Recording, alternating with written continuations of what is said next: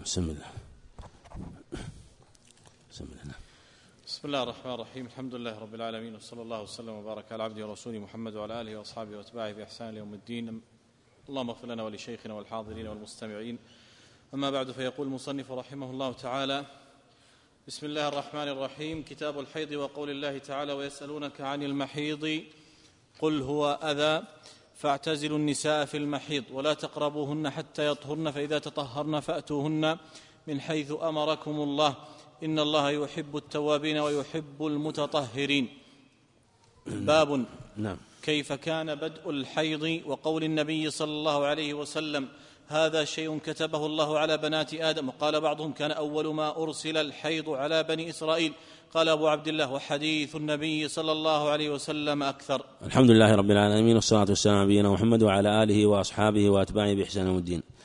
كعادة مصنف رحمه الله أن يصدر هذه الكتب بآية هي الأصل في هذا الباب كما تقدم في كتاب الوضوء صدر بآية الوضوء في سورة المائدة وفي الغسل ذكر آيتي المائدة والنساء وذكر هنا آية يسألونك عن المحيض من البقرة وبين لذلك الأحكام المتعلقة بالحيض وذلك أن الحيض دم طبيعة وجبلة وأنه لعموم النساء ولهذا قال باب كيف كان بدء الحيض وأنه ليس طارئا في النساء إنما النساء مثل أمهن يعني أنه أمر جبلت عليه النساء ولذا ذكر حديثا واضحا هذا شيء كتبه الله على بنات آدم.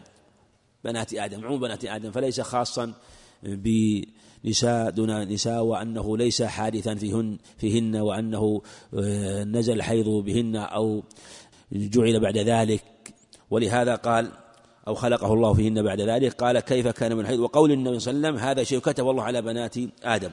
وهذا وصله في هذا الباب يعني قال هذا شيء كتبه الله على بنات آدم في سيأتي له هذا أمر كتبه الله على بنات آدم. سيأتي بعد الأبواب أنه وصله بلفظ هذا شيء كتبه الله على بنات آدم. وكان قال بعضهم كان أول ما أرسل الحيض على على بني إسرائيل وأنه كن النساء قبل ذلك لا ينزل بهن الحيض. لكن هذا قول مرجوح هذا صح علي بن مسعود رضي الله عنه كما عند عبد الرزاق.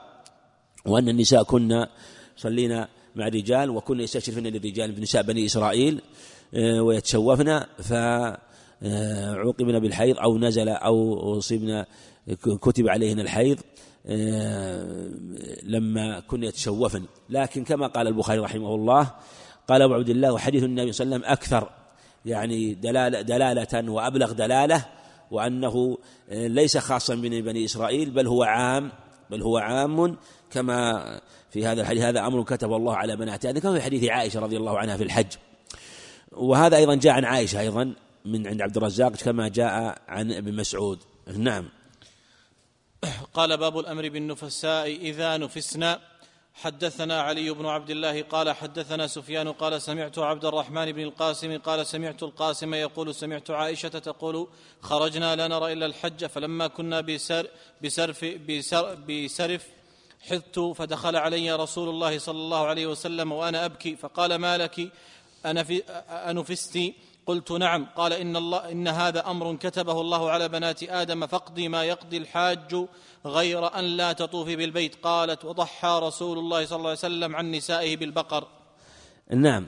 والمعنى الأمر يعني أن الأمر المتعلق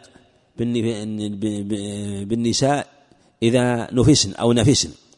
يعني آه ولهذا بوب عليه وذكر حديث عائشة في حيضها وسمى الحيض نفاسا فدل على أن النفساء حكمها أن النفاس أو النفاس حكمه حكم الحيض أن حكمه حكم الحيض. ولهذا قال أنا فستي أو أنفستي يربط بهذا وهذا. ثم قال هذا أمر كتبه الله على بنات آدم. فدل على أن أيضا حكم النفاس حكمه حكم الحيض وأنه دم مجتمع محتبس لأنها لما إذا حملت المرأة العادة أنها ينقطع حيضها. ويرتفع ثم بعد ذلك إذا ولدت يخرج دم الدم الذي كان محتبسا و ثم بعد ذلك إذا أرضعت المرأة في العادة أنه ينقطع آه، لأنه إذا حملت صرفه الله سبحانه وتعالى غذاء ثم بعد ذلك يبقى منه بقية فإذا وضعت خرجت هذه البقية من النفاس ثم إذا أرضعت مرأة من حكمة الله ورحمته أن الغالب أنها لا تحيض ولهذا يصرفه غذاء له فهو غذاء له إذا كان جنين وغذاء له بعد ذلك إذا كان رضيع. و ثم ما زاد عن حاجته اجتمع ثم إذا وضعت آه، نفست فخرج الدم فإذا خلت المرأة من الحبل والرضاع المعتاد للمرأة أنها تحيض في كل شهر ستة أيام أو سبعة أيام بحسب عادة النساء وبلادهن. نعم. قال رحمه الله باب غسل الحائض رأس زوجها وترجيله. حدثنا عبد الله بن يوسف قال حدثنا مالك عن هشام بن عروة عن أبيه عن عائشة قالت كنت أرجل رأس رسول الله صلى الله عليه وسلم وأنا حائض. حدثنا إبراهيم بن موسى قال حدثنا هشام هشام بن يوسف أن أن ابن جريج أخبرهم. قال أخبرنا هشام بن عروة عن عروة أنه سئل أتخدمني الحائض أو تدنو مني المرأة وهي جنب؟ فقال عروة كل ذلك علي هين وكل ذلك تخدمني وليس على أحد في ذلك بأس. أخبرتني عائشة أنها كانت ترجل رسول الله صلى الله عليه وسلم وهي حائض ورسول الله صلى الله عليه وسلم حينئذ مجاور في المسجد يدني لها رأسه وهي في حجرتها فترجله وهي حائض. نعم. ودلالة على الحائض لا بأس أن تغسل رأس زوجها وأن ترجله وأن الحيض لا يمنع من ذلك وأن لأن بدنها طاهر.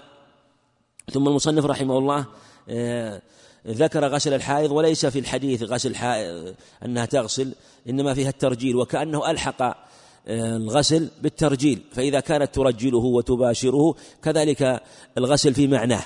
وسيأتي ذكر الغسل صريحا في حديث عائشة لكن في حديثه هذا ليس فيه ذكر الغسل آه، إنما فيه الترجيل فألحقه فيه بالمعنى والبخاري رحمه الله يظهر كما يظهر من تراجم اعتنائه بالمعاني والاستنباطات ويزيد بعض العبارات أو بعض الكلمات التي تؤخذ آه، فائدتها ودليلها من الحديث من جهة الدلالة والتنبيه والإيماء وهذا يبين نظره رحمه الله في المعاني والاستنباط.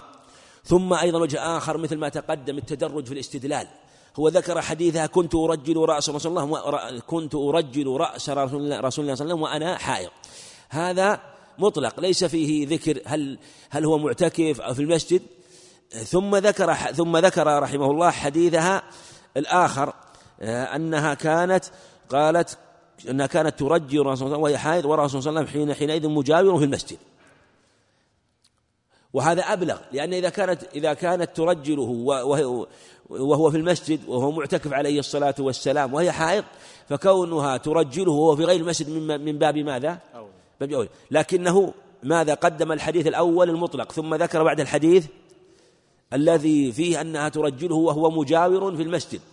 فهذا مثل ما تقدم معنا التدرج في الاستدلال التدرج في الاستدلال وذلك أنه إذا رجلته وهي حاء إذا رجلته وهو معتكف عليه الصلاة والسلام هذا أبلغ أبلغ ودليله أظهر وكذلك من جهة الغسل مأخوذ من جهة المعنى وسيأتي أيضا في حديثها ذكر آه، غسلها له عليه الصلاة والسلام. نعم لرأسه يعني.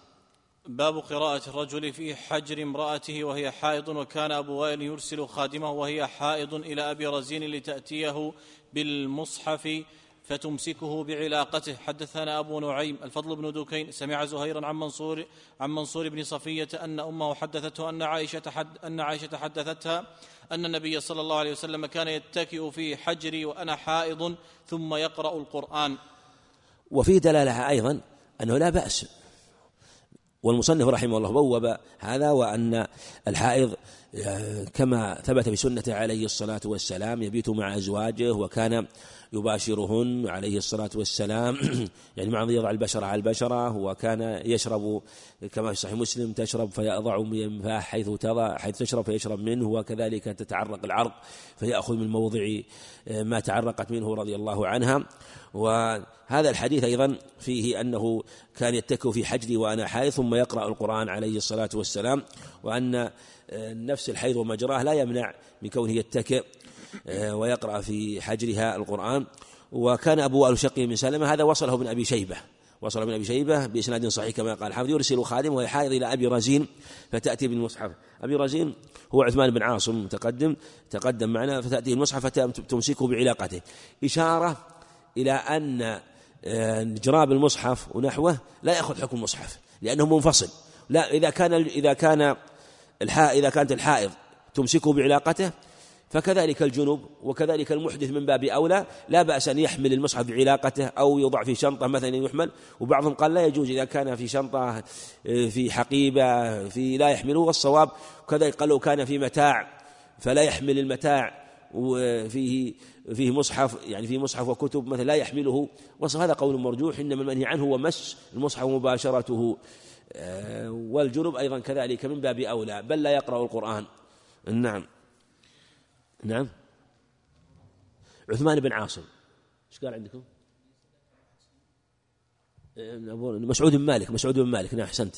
مسعود بن مالك. أبو رزين مسعود بن مالك. وهذاك أبو حصين عثمان بن عاصم. هذا أبو رزين مسعود بن مالك. أحسنت. بارك الله فيك. قال رحمه الله باب من من رجال التقريب رواه الشيخان وغيرهما. نعم. غيرت مسعود بن مالك. قال باب من سمى النفاس حيضا. حدثنا المكي ابن إبراهيم قال حدثنا هشام عن يحيى بن أبي كثير. عن أبي سلمة أن زينب بنت أم سلمة حدثته أن أم سلمة حدثتها قالت بين أنا مع النبي صلى الله عليه وسلم مضطجعة في خميصة إذ حضت فانسللت فأخذت ثياب حيضتي فقال أنفستي؟ قلت نعم فدعاني فاضطجعت معه في الخميلة. وهذا يبين أن النفاس يأخذ حكم الحيض. يعني وأنه وأن حكمه حكمه إلا إلا في أحكام مثل العدة وما أشبه ذلك. المكي بن إبراهيم آه، هذا من شيوخه رحمه الله الكبار وروى بهذا الاسم روى عن مكي أحاديث ثلاثية من رواية المكي إبراهيم عن يزيد بن أبي عبيد عن سلف بن أكوع عدة أحاديث ثلاثية من بهذا السند. مكي بن إبراهيم عن يزيد بن أبي عبيد عن سلمة بن الأكوع. ثلاثيات البخاري نحو من 22 ثلاثي له رحمه الله. آه، زينب ابنة أم سلمة ربيبة النبي عليه الصلاة والسلام. نعم أن أم سلمة حدثتها قالت بين أنا مع النبي صلى الله عليه وسلم مضطجعة في في في خميصة وهي خميلة كساء أسود له أهداب إذ حدت فانسللت فأخذت ثياب حيضتي كأنها لها ثياب خاصة بالحيض وربما آه، كنا رضي الله عنها ثوب ثوب الحيض هو الثوب الذي تصلي فيه هذا سيأتينا أيضا أنه ربما كان ثياب الحيض هي الثياب التي تصلي فيها ولم يكن لهن الثوب الواحد هذا قد يكون أحيانا آه، في أول أمر ثم لما اتسع الحال كان ثوب تحيض فيه ثم إذا طهرت لبست ثياب أخرى آه، للصلاة. فالمقصود أنها آه، قال أنا أنا فستي. سماه نفاسا مثل ما تقدم. نعم. قال باب مباشرة الحائض. حدثنا قبيصة قال حدثنا سفيان عن منصور عن إبراهيم عن, عن الأسود عن عائشة قالت كنت أغتسل أنا والنبي صلى الله عليه وسلم من إناء واحد كلانا جنب وكان يأمرني فأتزر فيباشرني وأنا حائض وكان يخرج رأسه إلي وهو معتكف فأغسله وأنا حائض. حدثنا إسماعيل بن خليل قال أخبرنا علي بن مسهر قال أخبرنا أبو إسحاق هو الشيباني عن عبد الرحمن بن الأسود عن أبيه عن عائشة قالت كانت إحدانا إذا كانت حائضا فأراد رسول الله صلى الله عليه وسلم أن يباشرها أمرها أن تتزر في فور حيضتها ثم يباشرها. قالت وأيكم يملك إربه؟ كما كان النبي صلى الله عليه وسلم يملك إربه تابعه خالد وجرير عن الشيباني. حدثنا أبو النعمان قال حدثنا عبد الواحد قال حدثنا الشيباني قال حدثنا عبد الله ابن شداد قال سمعت ميمونة تقول كان رسول الله صلى الله عليه وسلم إذا أراد أن يباشر امرأة من نسائه أمرها فاتزرت وهي حائض. رواه سفيان عن الشيباني. وهذه الأخبار كلها واضحة في الدلالة لما ذكر مباشرة الحائض. والمراد وضع البشرة على البشرة لا المباشره الجماع فالنبي عليه الصلاة والسلام قال اصنعوا كل شيء إلا النكاح فدل على لا بأس مباشرة الحائض ولو لم يكن عليها إزار على الصحيح ولو لم يكن عليها إزار على الصحيح. خلافا للجمهور. قبيصه بن عقبة وسفيان قبيصة عن سفيان هو سفيان الثوري. عن منصور بن معتمر عن إبراهيم وبن يزيد النخعي عن أسود بن يزيد عن عائشة رضي الله عنها. والشاهد فيباشرني وأنا حائض. تقدم ذكرت حديث عائشة وكأنه أنا كانت تغسله وهي حائض. وهذا هو الحديث. كان يخرج رأسه إليه وهو معتكف فأغسله وأنا حائض. نعم. حدثني إسماعيل بن خليل هذا الخزاز الكوفي علي بن مسهر الكوفي أيضا أبو إسحاق الشيباني هو سليمان بن أبي سليمان مشهور بكنيته يأتي كثيرا مكنى سليمان بن سليمان الشيباني. نعم. ثم أن فأراد رسول الله أن يباشرها أمر أن تتزر في فور حيضتها. هذا الحديث يبين أنه عليه الصلاة والسلام في فور الحيضة يأمرها أن تتزر وذلك أن يتقي سورة الحيض. جاء في حديث في ثبوت نظر كان يتقي سورة الحيض ثلاثا شدة الحيض. وهذا آه، لأن الحيض في أول أمر يشتد وربما خرج شيء من الدم. لكن مع وجود أنواع من الفوط التي تكون آه، تعصب المحل وتضبط المحل ويمكن أن لا يخرج شيء وأمن خروج شيء من ذلك فهذا في هذه الحالة إذا كانت العلة لا بأس. لكنها لكنه عليه الصلاة والسلام كان في فور حيض يعني في شدتها أول ما تخرج يتقي يأمرها أن تتزل ثم يباشرها عليه الصلاة والسلام. وأيكم يملك إربة؟ إشارة إلى أنه عليه أن يحتاط أنه قد يقدم حينما يباشر وقد تدعو نفسه فالإنسان إذا علم ذلك عليه أن يحتاط. مثل القبلة للصائم لا بأس بها لكن لو علم أنه إذا قبل يقوده ذلك إلى الجماع حرم عليه كذلك إذا علم أنه إذا باشر الحائض قد يجامع حرم عليه ذلك لأن الوسائل الأحكام المقاصد. وهو حديثها الحديث الذي بعد حديث ميمونة دلالة ظاهرة. أبو النعمان محمد بن فضل السدوسي محمد بن فضل السدوسي الشيباني تقدم. بل قبل ذلك قال تابعه خالد.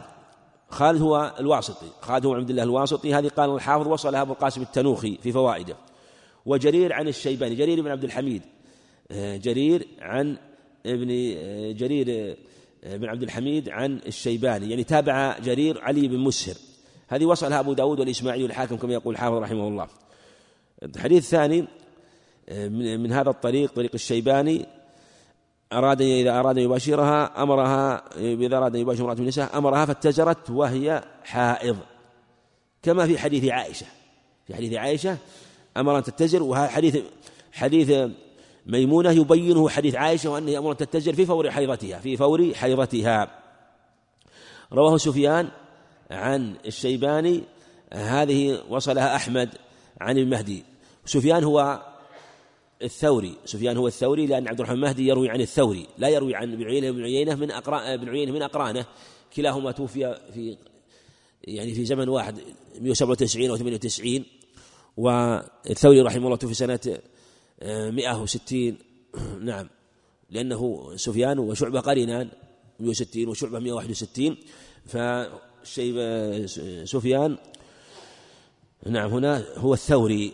لدلالة رواية أحمد رحمه الله لأن روى عن المهدي عن سفيان عن سفيان. نعم.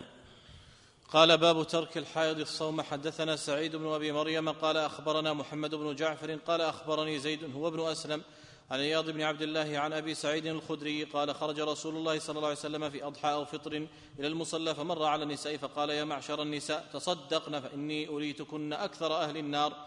فقلنا وبما يا رسول الله؟ قال تكثرن اللعن وتكفرن العشيره ما رأيت من ناقصات عقل ودين أذهب للب الرجل الحازم من إحداكن. قلنا وما نقصان ديننا وعقلنا يا رسول الله؟ قال أليس شهادة المرأة مثل نصف شهادة الرجل؟ قلنا بلى. قال فذلك من نقصان عقلها. أليس إذا حاضت لم تصلي ولم تصم؟ قلنا بلى. قال فذلك من نقصان دينها. نعم.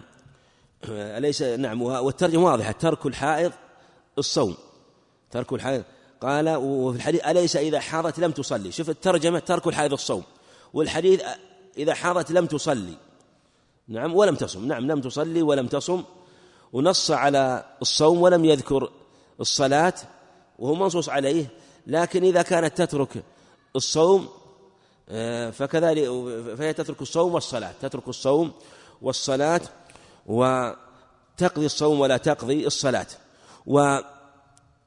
والنقصان هنا يعني النقصان مذكور نقصان العقل المراد به كما في قوله تعالى أن تضل أحدهما فتذكر إحداهما الأخرى. أن تضل يعني من جهة النسيان ولهذا أنت ولهذا جعلت شهادتها بشهادة رجلين من جهة أنها يعني ربما يكون الرجل أضبط. وهذا لا شك تمام هذا المراد لأن ضبط الرجل تمام عقله فهي بالنسبة إلى الرجل أنقص من هذه الجهة. فالمراد هنا بالنقص من جهة نسبته إلى الرجل وأن الرجل أضبط في الغالب في في في هذه الأمور ولهذا آه، قد تنسى وقد تغفل وقد تغيب عنها الحجة أو من ينشأ في الحلية وفي الخصام غير مبين. فهذا هو المراد النقصان بالنسبة إلى الرجل وتمام آه، النظر في حق الرجل. ولقد أن تضل إحداهما وتذكر إحداهما الأخرى. والشاهد كما تقدم من الترجمة للحديث قول أليس إذا حاضت لم تصلي ولم تصم فذلك من نقصان دينها؟ نعم. قال باب تقضي الحائض المناسك كلها إلا الطواف بالبيت. فقال إبراهيم لا بأس أن تقرأ الآية ولم ير ابن عباس بالقراءة للجنوب بأسا. وكان النبي صلى الله عليه وسلم يذكر الله على كل أحيانه. وقالت أم عطية كنا نؤمر أن يخرج الحيض فيكبرن بتكبيرهم ويدعون. وقال ابن عباس أخبرني أبو سفيان أن هرقل دعا بكتاب النبي صلى الله عليه وسلم فقرأه فإذا فيه بسم الله الرحمن الرحيم يا أهل الكتاب تعالوا إلى كلمة الآية. وقال عطاء عن جابر حاضت عائشة فنسكت فنسكت المناسك كلها غير الطواف بالبيت ولا تصلي. وقال الحكم إني لأذبح وأنا جنب. وقال الله عز وجل ولا تأكلوا مما لم يذكر اسم الله اسم الله عليه. حدثنا أبو نعيم قال حدثنا عبد العزيز بن أبي سلمة عن عبد الرحمن بن ابن القاسم عن القاسم بن محمد عن عائشة قالت خرجنا مع رسول الله صلى الله عليه وسلم لا نذكر إلا الحج فلما جئنا سري فطمثت فدخل علي النبي صلى الله عليه وسلم وأنا أبكي فقال ما يبكيه؟ قلت لوددت والله أني لم أحج العام. قال لعلك نفستي قلت نعم. قال فإن ذلك شيء كتبه الله على بنات آدم فافعلي ما يفعل الحاج غير ان لا تطوفي بالبيت حتى تطهري. نعم. والشاهد من الترجمة للحديث من من الحديث الترجمة قوله عليه الصلاة والسلام في آخر الحديث فافعلي ما يفعل الحاج غير الله البيت حتى تطهري. والحاج يقرأ القرآن ويذكر الله عز وجل فأمر أن تفعل ما يفعل الحاج ولم يستثني شيء فدل على أن الحائض تقرأ القرآن وتذكر الله وأن هذا لا يمنعها. ثم ذكر المصنف رحمه الله آثار في هذا الباب قال إبراهيم لا بأس إبراهيم النخعي. وهذا وصله الدارمي لا بأس أن تقرأ الآية. ولم يرى ابن عباس الجنوب بأسا هذا وصله ابن المنذر. وكان النبي صلى الله عليه وسلم يذكر الله على كل أحيان هذا المعلق وصله مسلم. وقالت أم عطية كنا نؤمر. هذا وصله مؤلف في العيدين. وقول ابن عباس تقدم في بدء الوحي موصولا. وقول عطاء عن جابر آه، في قصة عائشة رضي الله عنها وصله مؤلف في الأحكام. في هذا في في, في قول فنسكت المناسك كلها غير الطواف بالبيت. ولا تصلي. وقال حكمه ابن عتيبة قال حفظ وصله البغوي في الجعديات. إني لأذبح و... وأنا جنوب. وقال الله عز وجل ولا تأكل ما لم مما لم يذكر اسم الله عليه. دل على أنه ما دام أن الجنوب يجوز ذبحه وكذلك الحائض ويشرع ذكر الله عز وجل. فدل على أنه لا يكره ذكر الله عز وجل للجنوب والحائض. أما ماذا تقدم من قراءة القرآن للجنوب؟ هذه ما وقع فيها الخلاف وظاهر كلام البخاري رحمه الله أنه لا بأس بذلك. لأن ذكر ابن كلام ابن عباس في هذا. والأظهر أنه إذا كان قراءة الآية التي تعرض في الاستدلال أو في ورد نحو ذلك هذا لا بأس به. أما قصد القراءة للقرآن للجنوب فلا لأن ثبت في الحديث حديث عبد عند أهل السنن من حديث عبد الله بن سلم عبد الله بن سلم المرادي أنه قال كان يقرئنا عليه والسلام القرآن ما لم يكن جنبا. وشاهده رواية أبي الغريف عبيد الله بن خليفة عند أحمد أنه عليه الصلاة والسلام خرج وقرأ القرآن فقال هذا لمن لم يكن جنبا أما الجنوب فلا ولا. آية وهذا نص في أن الجنوب لا يقرأ القرآن. فرق بين الحائض والجنوب فالحائض تقرأ القرآن لأن الجنوب طهارته في يده يمكن أن يتطهر ويقرأ القرآن. أما الحائض فإن طهارته ليست في يدها آه، فلذا لا نمنعه من قراءة القرآن. والعلماء استدلوا بأدلة آه، أخرى في هذه المسألة. لكن هذا هو القول الأظهر. أما حديث ابن عمر عند الترمذي لا يت لا يق لا تقرأ القرآن لا تقرأ الحائض ولا الجنوب شيئا من القرآن فهو حديث ضعيف باتفاق الحفاظ. آه، لأن ولد إسماعيل بن عياش عن ابن جريج عن نافع عن ابن عمر وإسماعيل بن عياش عن الحجازي كما هو معلوم ضعيف الرواية. نعم. قال رحمه الله باب الاستحاضة. حدثنا عبد الله بن يوسف قال أخبرنا مالك عن هشام بن عروة عن أبيه عن عائشة أنها قالت قالت فاطمة بنت أبي حبيش لرسول الله صلى الله عليه وسلم يا رسول الله إني لا, إني لا أطهر أفدع الصلاة. فقال رسول الله صلى الله عليه وسلم إنما ذلك عرق وليس بالحيضة فإذا أقبلت الحيضة فاترك الصلاة فإذا ذهب قدرها فاغسلي عنك الدم وصلي. وهذه يبين الاستحاضة حكم حكم الطاهرات وأنها في حال جرين دم طاهرة طاهر تصلي وتصوم ولا بأس أن يباضعها زوجها. ولهذا قال فاغسلي عنك الدم وصلي ولو كان الدم يجري.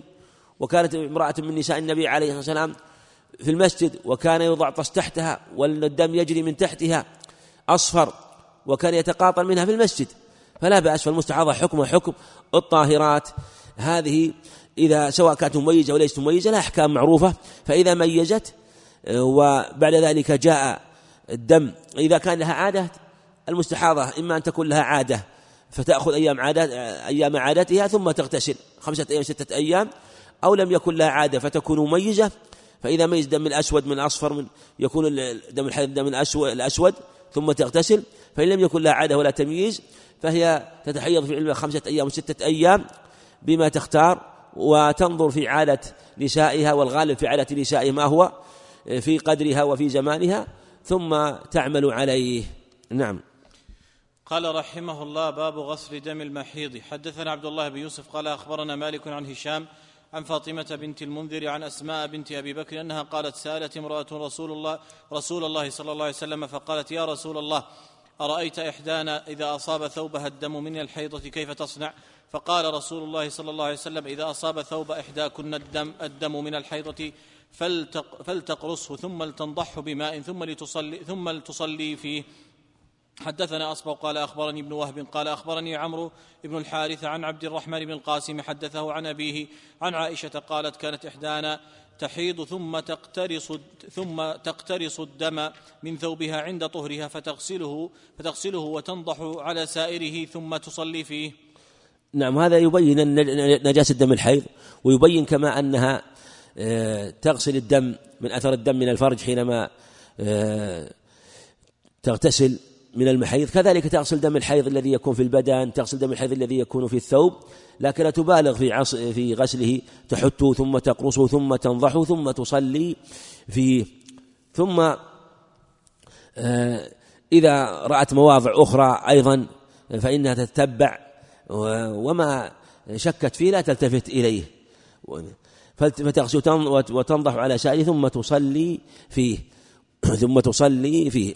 والنضح على سائره كأنه أيضا من النضح الذي من باب تطيب الثوب كما في حديث أنس رضي الله عنه أنه أخذ حصيرا فنضحه وليس نضحه من أجل النجاسة لكن من أجل ما إزالة, إزالة ما فيه ما علق به من قدر وأذى. نعم.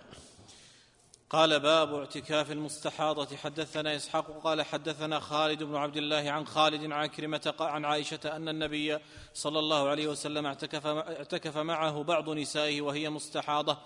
ترى الدم فربما وضعت الطست تحتها من الدم وزعم عكرمة أن عائشة رأت ماء العصفر فقالت كأن هذا شيء كانت فلانة تجده. حدثنا قتيبة قال حدثنا يزيد بن زريع عن خالد عن عكرمة عن عائشة قالت اعتكفت اعتكفت مع رسول الله صلى الله عليه وسلم امرأة من أزواجه فكانت ترى الدم والصفرة والطست تحتها وهي تصلي. حدثنا مسدد قال حدثنا معتمر عن خالد عن عكرمة عن عائشة أن بعض أمهات المؤمنين اعتكفت وهي مستحاضة. نعم وهذه الأخبار واضحة لما ترجم لها رحمه الله اعتكاف مستحاضة. ليس مجرد أنها تصلي في المسجد لا تعتكف تلبث في المسجد وتبيت في المسجد. وهذا يبين المستحاضة في جميع الأحكام كالطاهرة إلا في أحكام خاصة مثل ما جاء في وضوئها لكل لكل صلاة. إسحاق هو بن شاهين وخالد الأول الواسطي وخالد خالد عن خالد في الأسانيد في الغالب خاصة في الكتب كتب الستة. الأول هو الواسطي والثاني هو الحذاء. والثاني تابعي من صغار التابعين والأعلى تابعي والثاني من الطبقة الثامنة هو الواسطي خالد بن عبد الله الواسطي والثاني خالد الحذاء. سمي الحذاء ليس أنه يبيع الأحذية إنما كان يجلس إلى الحذاء فسمي الحذاء. وقيل يقول احذوا هذا الشيء فسمي حذاء. وهنا قولها آه، أنها رأت ماء العصفر يعني أن الماء الذي ينزل منها أصفر الماء الذي ينزل منها أصفر وهو دم استحاضة ليس دم حيض. وكذلك الذي بعده فكان ترى الدم والصفر والطس تحته وهي تصلي. يعني أنه ينزل منها الدم لشدته وشدة جريانه حتى لا يصيب المسجد. حدثنا مسدد حدثنا معتمر هذا ابن سليمان بن طرخان التيمي ومعتمر هذا فرد في الأسماء ليس في الستة معتمر إلا هذا الاسم معتمر. اعتكف وهي أن بعض أمهات المؤمنين اعتكفت وهي مستحاضة. نعم. باب هل تصلي المرأة في ثوب حاضت فيه؟ حدثنا أبو نعيم قال حدثنا إبراهيم بن نافع عن ابن أبي نجيح عن مجاهد قال قالت عائشة ما كان لإحدانا إلا ثوب واحد تحيض فيه فإذا أصابه شيء من دم قالت بريقها فقصعته بظفرها. نعم. باب هل تصلي المرأة في ثوب حاضت فيه؟ المعنى أنها تصلي. لدلالة الحديث ولهذا قالت لم يكن ما كان لإحدانا إلا ثوب واحد تحيض فيه. فإذا كان ليس لها إلا ثوب واحد يعني تلبس حال الطهر ثم إذا نزل الحيض حاضت فيه. ومن المعلوم أنها إذا لم يكن لها ثوب واحد فإنها تصلي فيه. إذا لم يكن لها ثوب واحد فإنها تصلي فيه. تقدم في حديث أم سلمة فأخذت ثياب حيضتي أو حيضتي دل على أنها أنه أنهن رضي الله عنهن ربما كان لهن أو لإحداهن ثوب للحيض خاصة قد يكون هذا آه لبعضهن دون بعض وقد يكون هذا في أول الأمر آه لما كان في الأمر شدة ثم لما اتسعت الحال جعل جعلنا ثوبا خاصا للحيض وثوبا خاصا للطهور يصلينا فيه. والمقصود أن الأصل الطهارة فإذا كان ثوب تحيض فيه فإن رأت فيه نجاسة أزالته ثم صلت. ولهذا قال فإذا أصابه شيء من دم قالت بريقها فقصعته بظفرها. يعني تدلكه وتخفف ثم بعد ذلك تقصعه بريقها حتى يتشرب ثم بعد ذلك آه، تغسله بل جاء ما يدل على الاكتفاء بمثل ذلك وأنه يزيل النجاسة. دل على أن النجاسة تزال أيضا بغير الماء. تزال بغير الماء لأنه كما تقدم الذوات تتبع الصفات.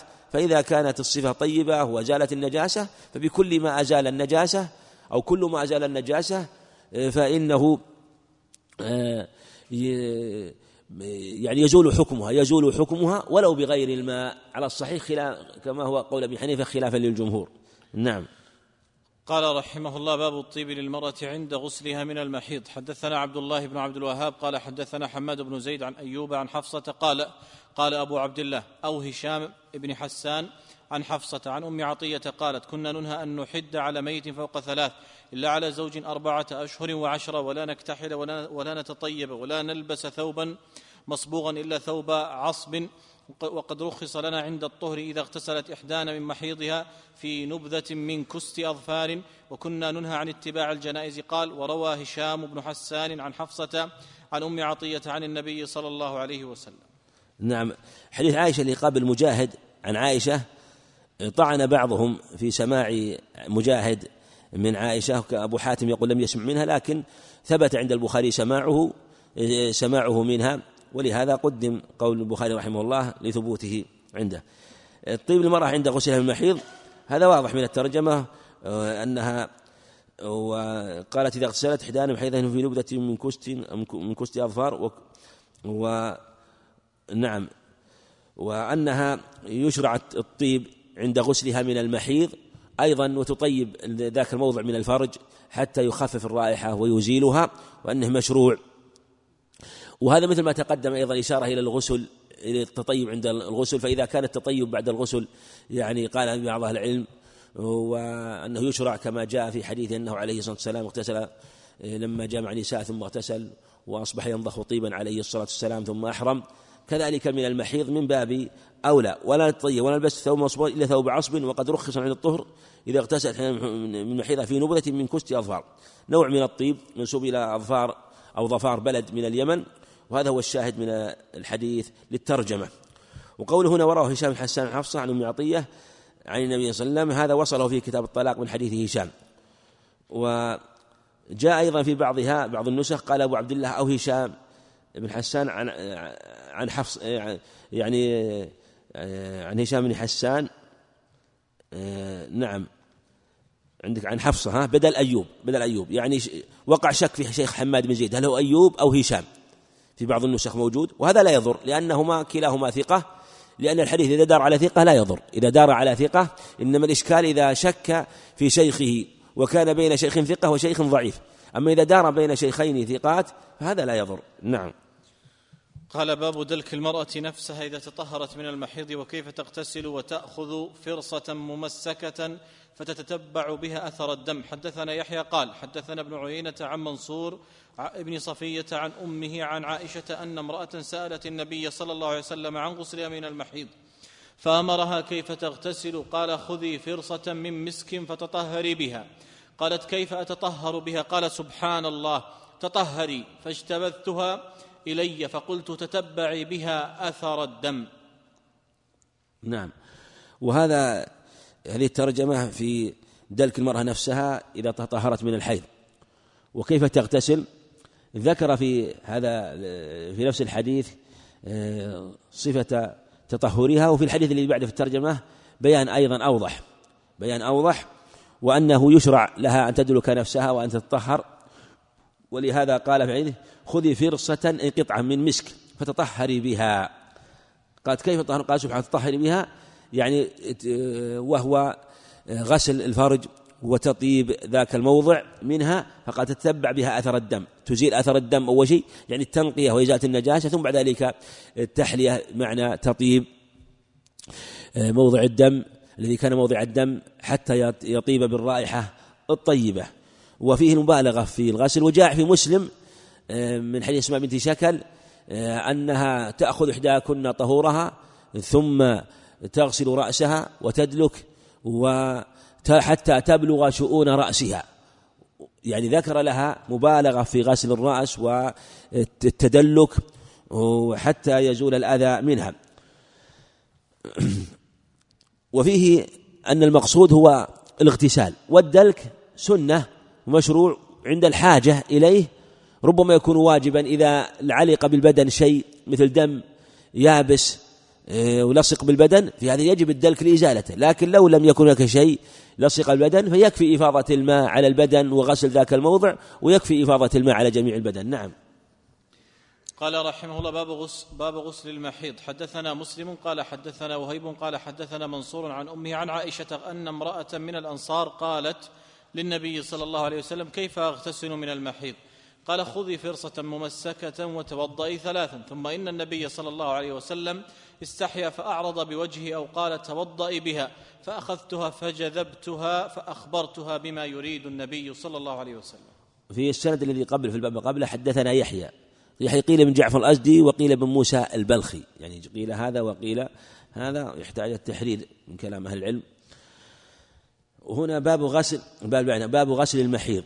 هو واضح من قولك كيف يغتسل من المحيض. ثم وصف لها قال خذي فرصة مسك فتوضئي ثلاثا. وهذا وجه مطابقة الحديث ترجمة وهو أن غسل المحيض آه، أنها تأخذ قطعة ثم آه، تغسل موضع الدم فتتوضأ ثلاثة فتوضئي فتوضئي آه، كأنه كرر لها القول كرر لها القول ليس المراد أنها تتوضأ ثلاثا ثم إن النبي استحيا عليه الصلاة والسلام وكرر لها القول وأخذتها عائشة رضي الله عنها وجذبتها لأن فهمت المراد رضي الله عنها بأخبرتها بما يريد النبي عليه الصلاة والسلام لأنه ما أراد أن يكني بأنها تغسل ذاك الموضع من الفرج فاستحيا عليه الصلاة والسلام. كان أشد حياء من العذراء في خدرها كما في حديث أبي سعيد الخدري عند البخاري. نعم. باب امتشاط المرأة عند غسلها من المحيض. حدثنا موسى بن إسماعيل قال حدثنا إبراهيم قال حدثنا ابن شهاب عن عروة أن عائشة قالت أهللت مع رسول الله صلى الله عليه وسلم في حجة الوداع فكنت ممن تمتع ولم يسق الهدي فزعم فزعم فزعمت أنها حاضت ولم تطهر حتى دخلت ليلة حتى دخلت ليلة عرفة فقالت يا رسول الله هذه ليلة عرفة وإنما كنت تمتعت بعمرة. فقال لها يا فقال لها رسول الله صلى الله عليه وسلم انقضي رأسك وامتشطي وأمسكي عن عمرتك. ففعلت فلما قضيت الحج أمر عبد الرحمن ليلة الحصبة الحصبة فأعمرني من من التنعيم مكان عمرتي التي نسكت. وهذا إشارة منه رحمه الله إلى أحد القولين في المسألة وأن الحائض آه، تنشر شعرها وتغسله. والجمهور على أنها كالجنب لا يجب عليها ذلك. حديث عائشة رضي الله عنها هذا ورد في الحج.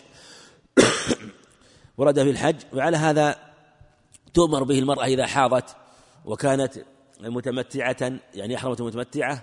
فإذا حاضت قبل ذلك قبل أن تفرغ من تعتمر قبل أن تطوف قبل أن تتم طوافها تدخل الحج على العمرة.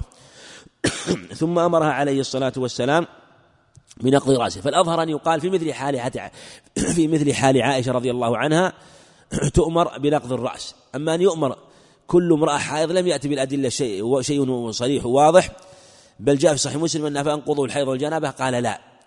وجاء في الحديث الذي قبلها أنها آه، تغسل رأسها حتى تبلغ شؤون الرأس تبلغ شؤون الرأس. هذا هو الواجب عليها أنه ينزل إلى شؤون الرأس وأصول الرأس. أما أنها تنقض شعرها فالأظهر أنها لا تنقض شعرها وأن هذا في المرأة التي تدخل الحج على العمرة وقد يقال بوجوبه على ظاهر حديث عائشة رضي الله عنها لكن ليس واجبا على كل حائض. لكن البخاري رحمه الله قال باب تشهد المرأة عند غسلها من المحيض أطلق الترجمة مع أنه خاص في حالة خاصة وكأن أخذها من جهة أنها كانت حائض. ويدل بل يدل عليها وجه آخر أنها على أنه عليه الصلاة والسلام أمرها أن تغتسل وهي حائض. ومعلوم أن الحائض لو اغتسلت لا يرتفع حيضها. فهذا يبين أنه في الحقيقة شيء خاص لمن تدخل الحج على العمرة لأنها حائض. حتى لو اغتسلت فهو غسل نظافة غسل نظافة لأجل الحج. وهذا يبين أن من آه، أو قد يكون أيضا دليل لمن أراد آه، يعني أن يدخل نسك على نسك أن يغتسل أن يغتسل لأن الغسل مشروع آه، لمن أراد النسك. ولهذا النبي عليه الصلاة والسلام لما أمرها أن تدخل حج العمرة أمرها أن تنشر شعرها وأن تنقض شعرها وأن تمتشط وهي حائض والحائض والنفسة تغتسل.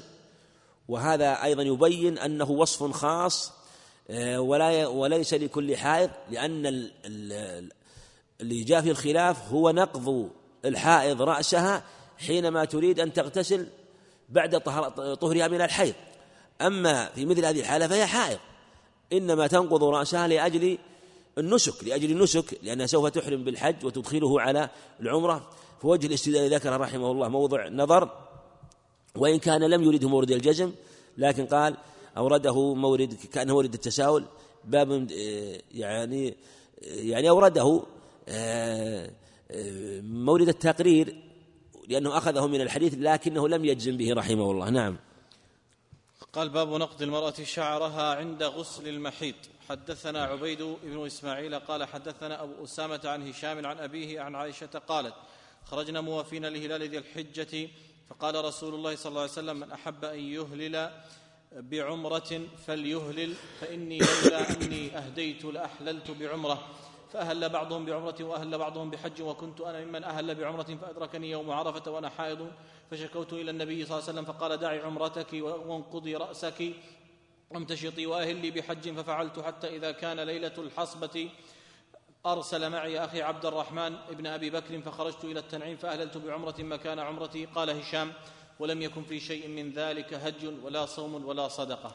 وهذا في معنى الترجمة التي قبلها لكن استنبط منها حكما آخر وهو ما يتعلق بنقض المرأة شعرها لأن هذا في الامتشاط وهذا في النقض. يعني أبلغ أمرها أن أن تنقض وأن تمتشط. أيضا أيضا قد يقال أيضا مما يؤيد قول الجمهور أنه لا يعني يظهر أن ما أحد قال من أهل العلم أنها يلزم تمتشط ما أحد قال من أنها تمتشط أبدا. وفي الحديث الامتشاط يلزم عليه من الدليل أنها تمتشط ولو قيل دلالة الاقتران فهذه واضحة. آه، آه، لأنها آه، نعم يعني يختلف الحكم. عطف مفرد على مفرد أو عطف جملة على جملة في دلالة الاقتران. كما ذكر علماء الأصول. فالشأن أنه أمرها بالنقض والامتشاط. أمرها بالنقض والامتشاط. والامتشاط كما تقدم ما يعني يظن أن أحد من العلم قال إنها يلزم تمتشط إنما الخلاف في مسألة نقض شعر رأسها. والمعنى أنه في هذه الترجمة آه، تنقض شعر رأسها آه، عند المحيض كما بوب امتشاط رأسها عند غسل المحيض.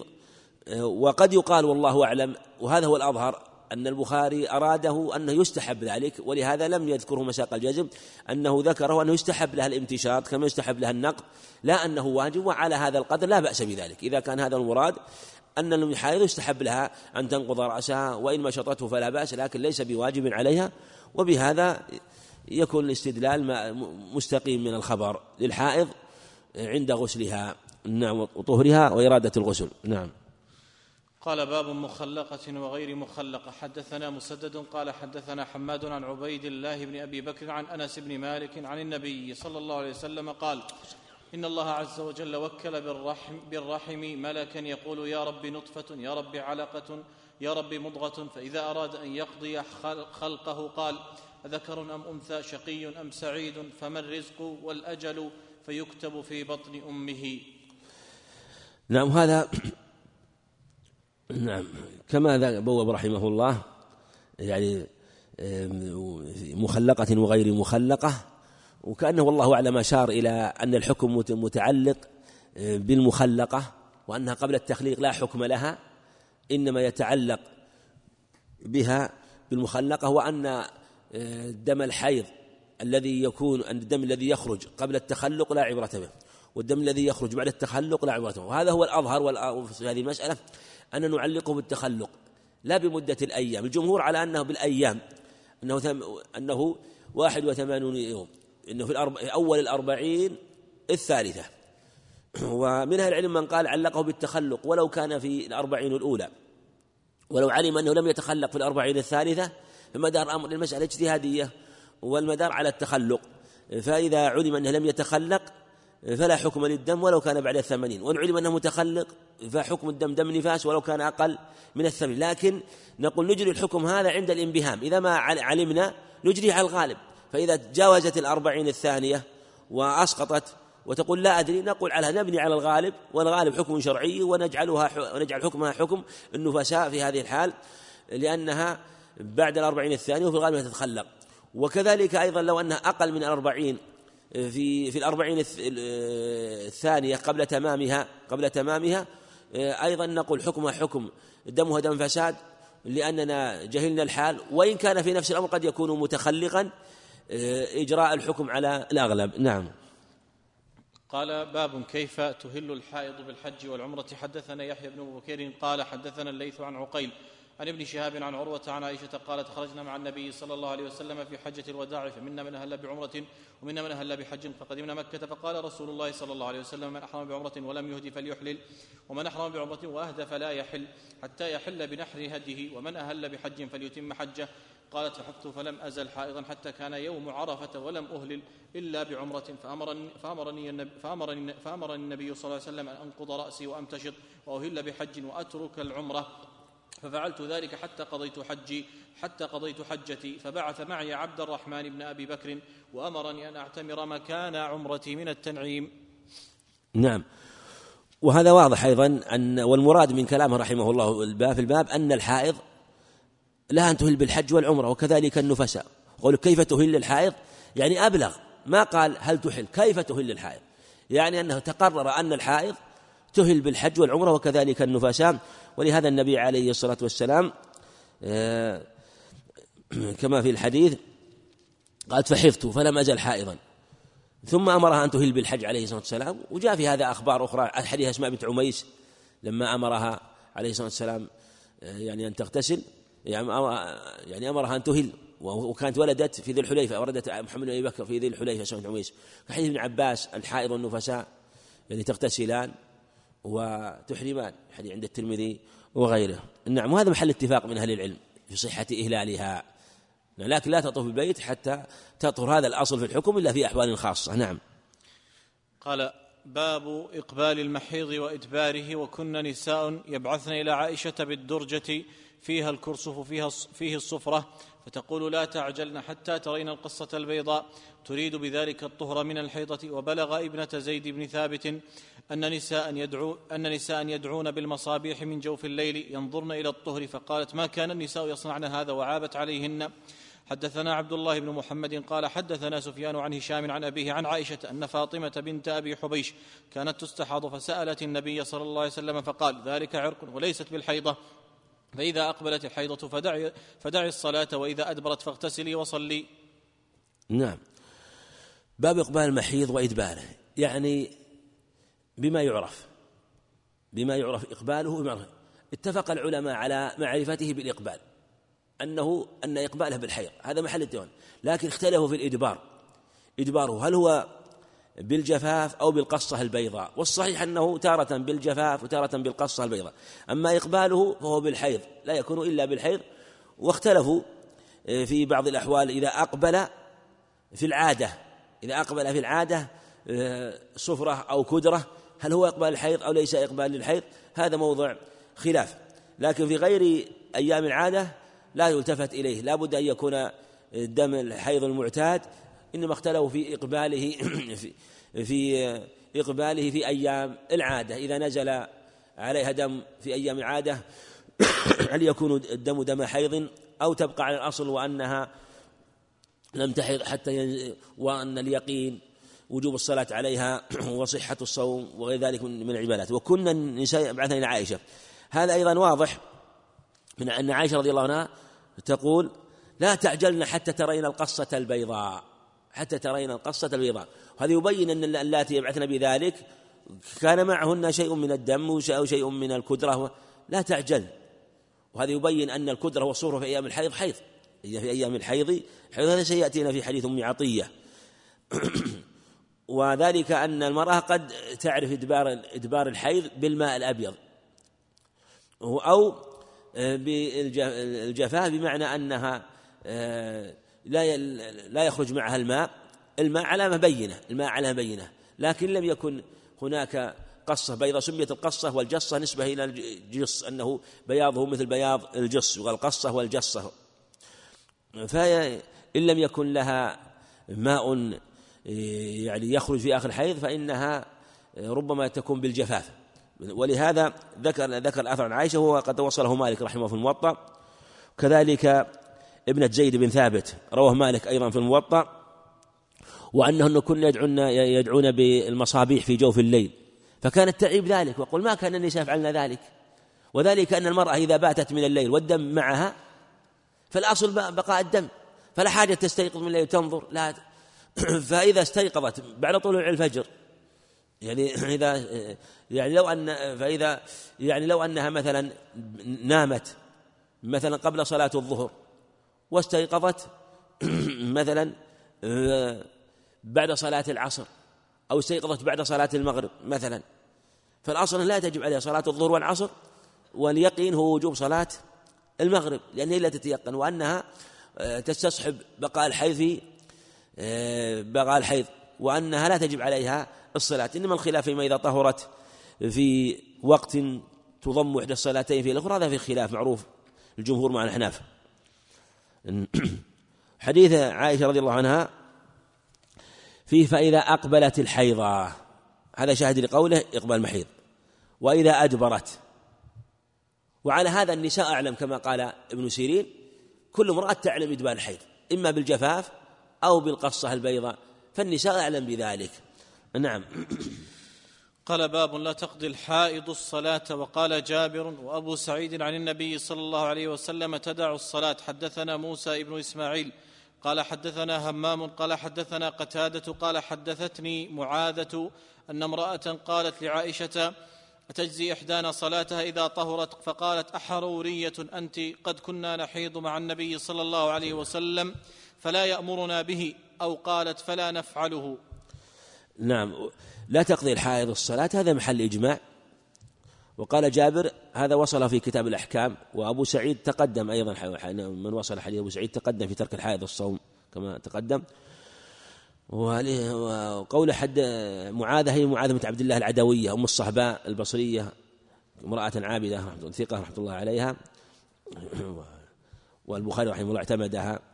ومعلوم أن تخريج البخاري رحمه الله للراوي يعني كما يقال أن يعني الأصل أنه يكون ثقة بذلك وتعديلا له.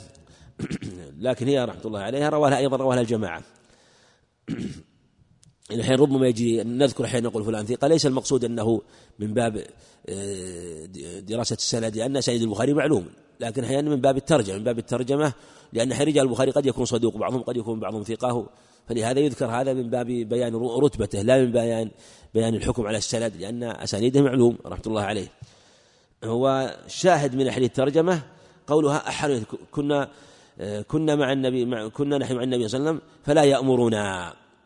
فلا يأمرون في اللفظ فنؤمر بقضاء الصوم كما في اللفظ الآخر. ونؤمر بقضاء الصلاة فعلمت من السكوت أنه آه، لا يأمر. ولهذا هي تنهى عن الصوم الصلاة عن الصوم الصلاة فلا بد من أمر جديد ولا أمر هنا فدل على أنها لا تقضي آه، لا تقضي الصلاة وإنما نؤمر بقضاء آه، بقضاء الصوم ونؤمر بقضاء الصلاة. ثم لما أمرت بقضاء الصوم دل على أن الصلاة لا تقضى.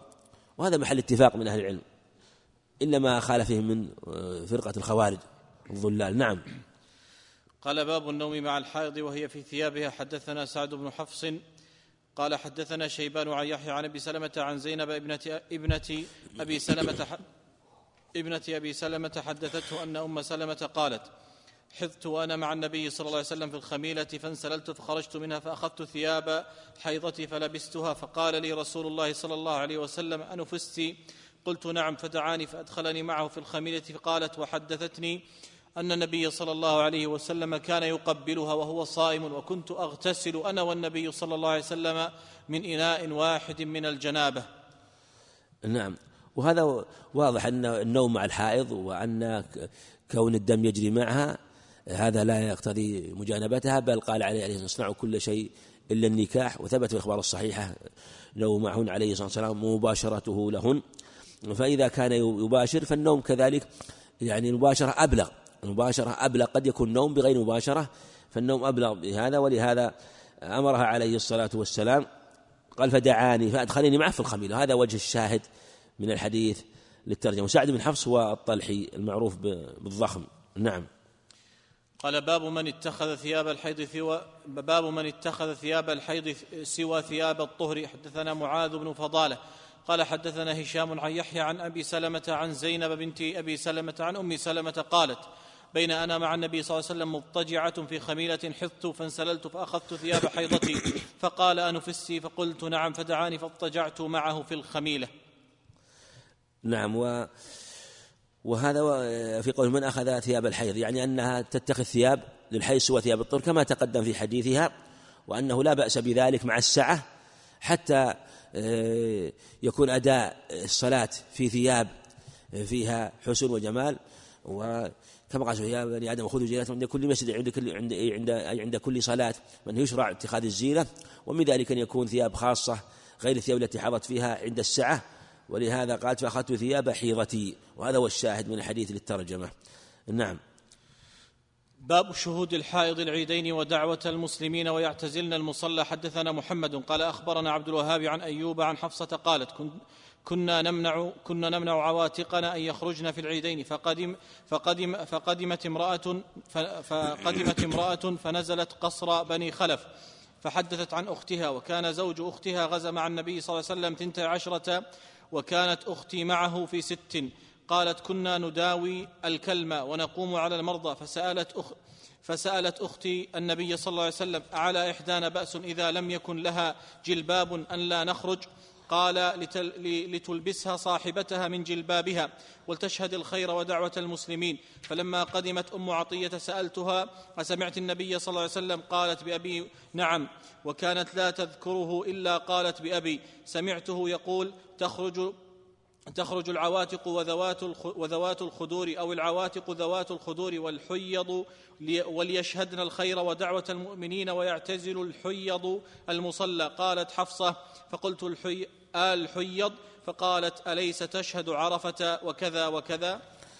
نعم وذلك أن الحائض كما ذكر رحمه الله تشهد العيدين ودعوة المسلمين ويعتزلن المصلى كما في حديث أم عطية رضي الله عنها ويشهد الخير ودعوة المؤمنين.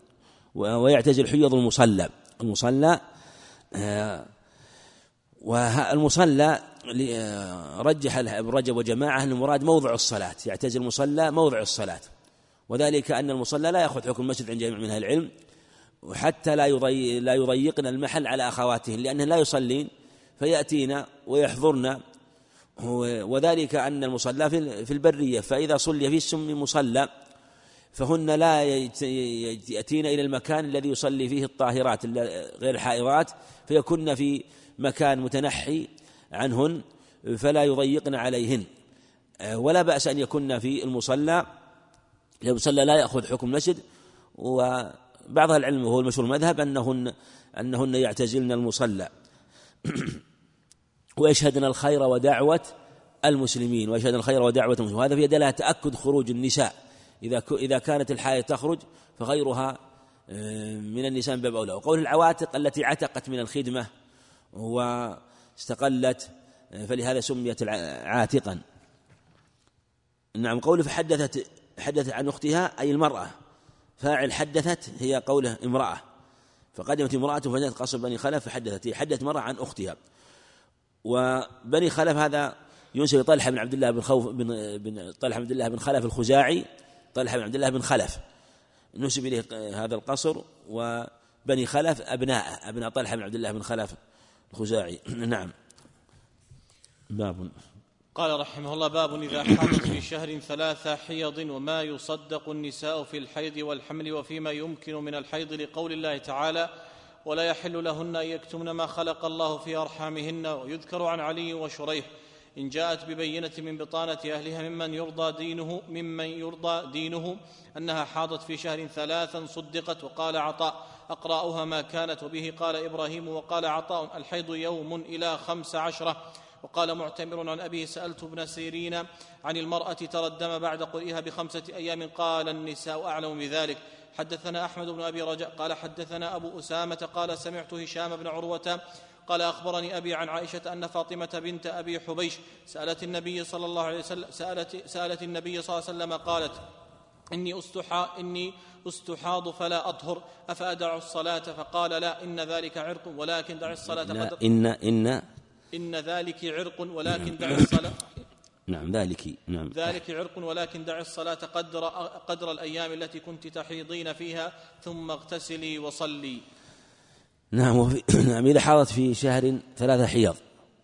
وذلك أن مرد هذا إلى العادة ويقولون وصدقوا النساء من الحيض والحمل ولا يحل لهن يكتبن ما خلق الله في أرحامهن من الحيض وخلق الله في أرحامهن المراد بالحيض والحبل والحمل كما رواه الطبري عن الزهري رحمه الله كما قال حافظ بسند صحيح لقوله تعالى نعم ويذكر عن علي وشريح. إن جاءت بين هذا وصله الدارمي رحمه الله من طريق الشعبي عن علي وأن شريح قال آه، إن جاءت بضالة من أهلها أنها حضت في شهر ثلاثة صدقت. وإن كان هذا نادر لكنه إذا تبين أنها حضت في شهر وذلك أن تحيض آه، يعني آه، مثلا يوم وليلة ثم تطهر ثلاثة عشر يوم ثم تحيض يوم وليلة ثم تطهر ثلاثة عشر يوم هذه ثمانية وعشرين ثم تحيض يوم وليلة هذا تسعة وعشرون يوم. ثم في اللحظة الأولى ثم بمجرد اللحظة التي بعد الحيض تكون قد خرجت من عدة لأن عندهم أقل الحيض يوم 24 ساعة يوم وليلة وأقل طهر بين الحيضتين ثلاثة عشر يوم فتحيض يوما وتطهر ثلاثة عشر هذه أربعة عشر وتحيض يوم وتطهر ثلاثة عشر هذه أربعة عشر المجموع ثمانية وعشرون.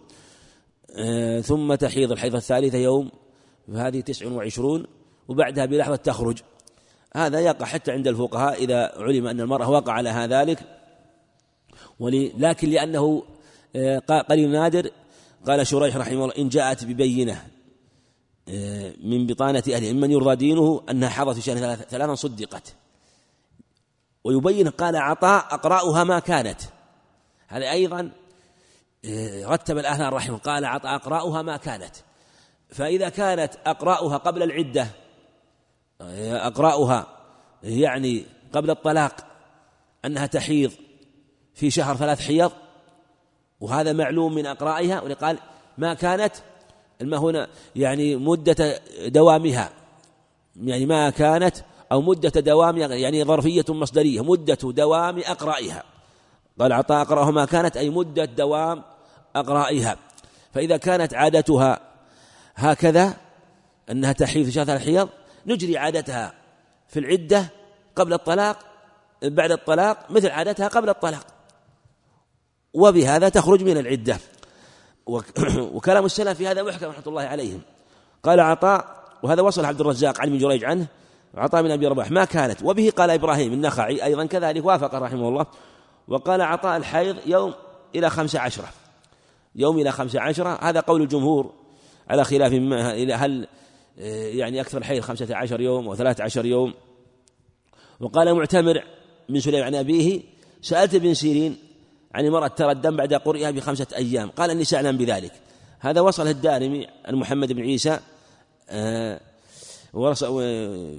عن معتمر بن سليمان. كلمة ابن سيرين كلمة محكمة رحمه الله. قال النساء أعلم بذلك. فلو أن امرأة مثلا يقول هنا ترى الدم بعد قرئها بخمسة أيام. طهرت من الحيض. ثم من عاداتها أن طهرها خمسة أن أنها عشرين يوم. أن أن أن طهرها عشرون يوما. أو خمسة وعشرون مثلا. أو أقل أو أكثر. ومرة من المرات حاضت بعد طهرها بخمسة أيام. الجمهور ما يعتبرونها. ما يعتبرون الحيض. يقول أقل الطهر بين الحيضتين ثلاثة عشر يوم. ما يعتبره طهر إذا نزل الآن. يقول أقل الطهر بين الحيضتين ثلاثة عشر يوم. لكن الصحيح أنه يعتبر طهر. ما الدليل على هذا؟ ما دام نزل معها الدم وهو دم حيض معتاد والنبي عليه الصلاة والسلام قال إذا أقبلت الحيضة أقبل زمانها أو أقبلت بالتمييز. والعادة قد تتقدم وقد تتأخر وقد تزيد وقد تنقص. قال ابن سيرين النساء أعلم بذلك. ما دام هو ما هناك سبب يعزى إليه هذا الدم من عرق انفجر أو سقوط أو جرح أو عملية فالأصل أنه دم حيض فلا نقول دم فساد إلا بدليل. هذا هو الأصل وأصل الصحة والأصل السلامة وهو دم طبيعة وجبلة ثم ساق أثر عائشة رضي الله عنها وهو واضح في الدلالة. قال إن ذلك عرق ولكن دعي الصلاة قدر أن كنت تحيضين في ثم اغتسل وصلي. أرجع الأمر إلى عاداتها وإلى ما تعلم من نفسها. أما العرق فلا حكم له. العرق دم استحاضة ولا يلتفت إليه. نعم.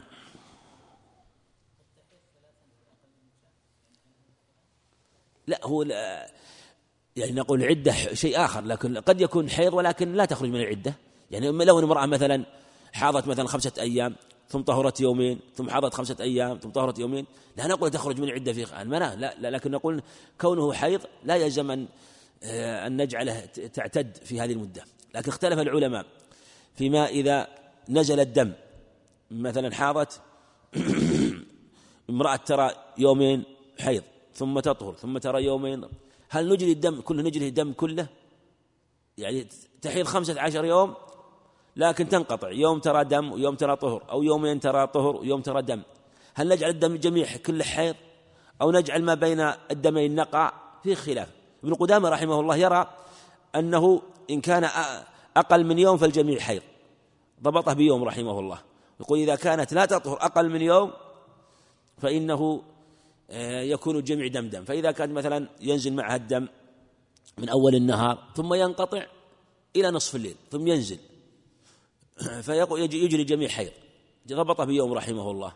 ومن العلم قال لا ما دام الدم ينزل وهي ليست مستحاضة فالجميع حيض الجميع حيض. لأن العادة قد تنزل يعني قد تزيد وقد تنقص وأحيانا قد ينزل قطرات. لكن إذا كانت إذا كان اللي ينزل معها قطرات يسيرة ينزل معها دم ثم ينقطع ثم يأتيها قطرات. الأظهر أنها لا يعتبر ولا ولا يلتفت شيء. بعض السلف جعله كالرعاف جعله كالرعاف ولا حكم له. وهذا يروى عن بعض الصحابة أنه جعل الدم اللي ينزل مثل قطرات لا حكم له. إذا كان ينزل مع الدم ثم انقطعت ثم صار يأتيها شيء من الشيء آه، اليسير قطرات هذا لا يلتفت إليه. آه، لأن اليقين هو طهارتها بالجفاف أو بالقصة البيضاء ونزول هذه القطرات لا تعتبر إلا إذا نزل الدم كما قال ابن عباس ما رأت الدم البحراني ما رأت الدم البحراني اللي يجري كالبحر واسع كثير. نعم. قال رحمه الله باب الصفرة والكدرة في غير أيام الحيض حدثنا قتيبة بن سعيد قال حدثنا إسماعيل عن أيوب عن, عن محمد عن أم عطية قالت كنا لا نعد الكدرة والصفرة شيئا. وهذا أخذ بعض العلم أن الصفرة والكدرة لا حكم لها. رواية أم عطية حتى ولو كانت في أيام الحيض. لكن رواية أبي داود مفصلة مبينة كنا نعد الصفرة بعد الطهر شيئا. بعد الطهر. يعني إذا كانت طهرت ففي هذه الحال لا تعتبر. يعني لا تعتبر الكدرة والصفرة في خارج أيام الحيض. امرأة حاضت ثم طهرت طهرت من حيض. ثم رأت الدم بعد الطهر وأيام العادة. هذا لا إشكال أنه ليس بحيض. لكن لو طهرت ثم نزل الدم في أيام الحيض هذا موضع الخلاف. مثل لو نزل الدم عليها في أيام عادتها. هل نعتبر الدم دم استحاضة؟ دم حيض لأنه نزل في أيام العادة أو نعتبر دم استحاضة لأنه نزل بعد الطهر. هذا موضع خلاف. نعم. قال باب عرق الاستحاضة. حدثنا إبراهيم بن المنذر قال حدثنا مع وظاهر كلام البخاري رحمه الله في غير أيام الصفر والكدرة في غير أيام الحيض. يعني قيد هذا تقييد. نعم. هذا ينبغي انتبه له. الصفرة والكدرة في غير أيام الحيض في غير أيام الحيض. فهذا إشارة منه رحمه الله إلى أن الصفرة والكدرة في أيام الحيض أنها معتبرة. إشارة إلى الرواية الأخرى عند بعد الطهر بعد الطهر. أما في أيام في أيام الحيض فإنه حيض.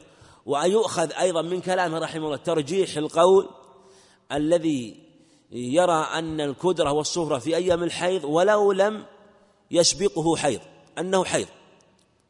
ولو لم يسبق والكدرة والصفرة التي في أيام الحيض ولو كانت عقب الطهر أنها حيض. الصفرة والكدرة في غير أيام. مفهومه أنها في أيام الحيض حيض. وعلى هذا يمكن أن يؤخذ من اختياره رحمه الله أنه يشير إلى أن الصفر والكدرة حيض مطلقا في أيام العادة. سواء تقدمها حيض امرأة مثلا عادتها في خمسة من الشهر. في خمسة من الشهر ثم نزل بها صفر وكدرة في اليوم الخامس. ما نزل بها الدم. أول ما صفر وكدرة أو امرأة أخرى طهرت في أيام الحيض.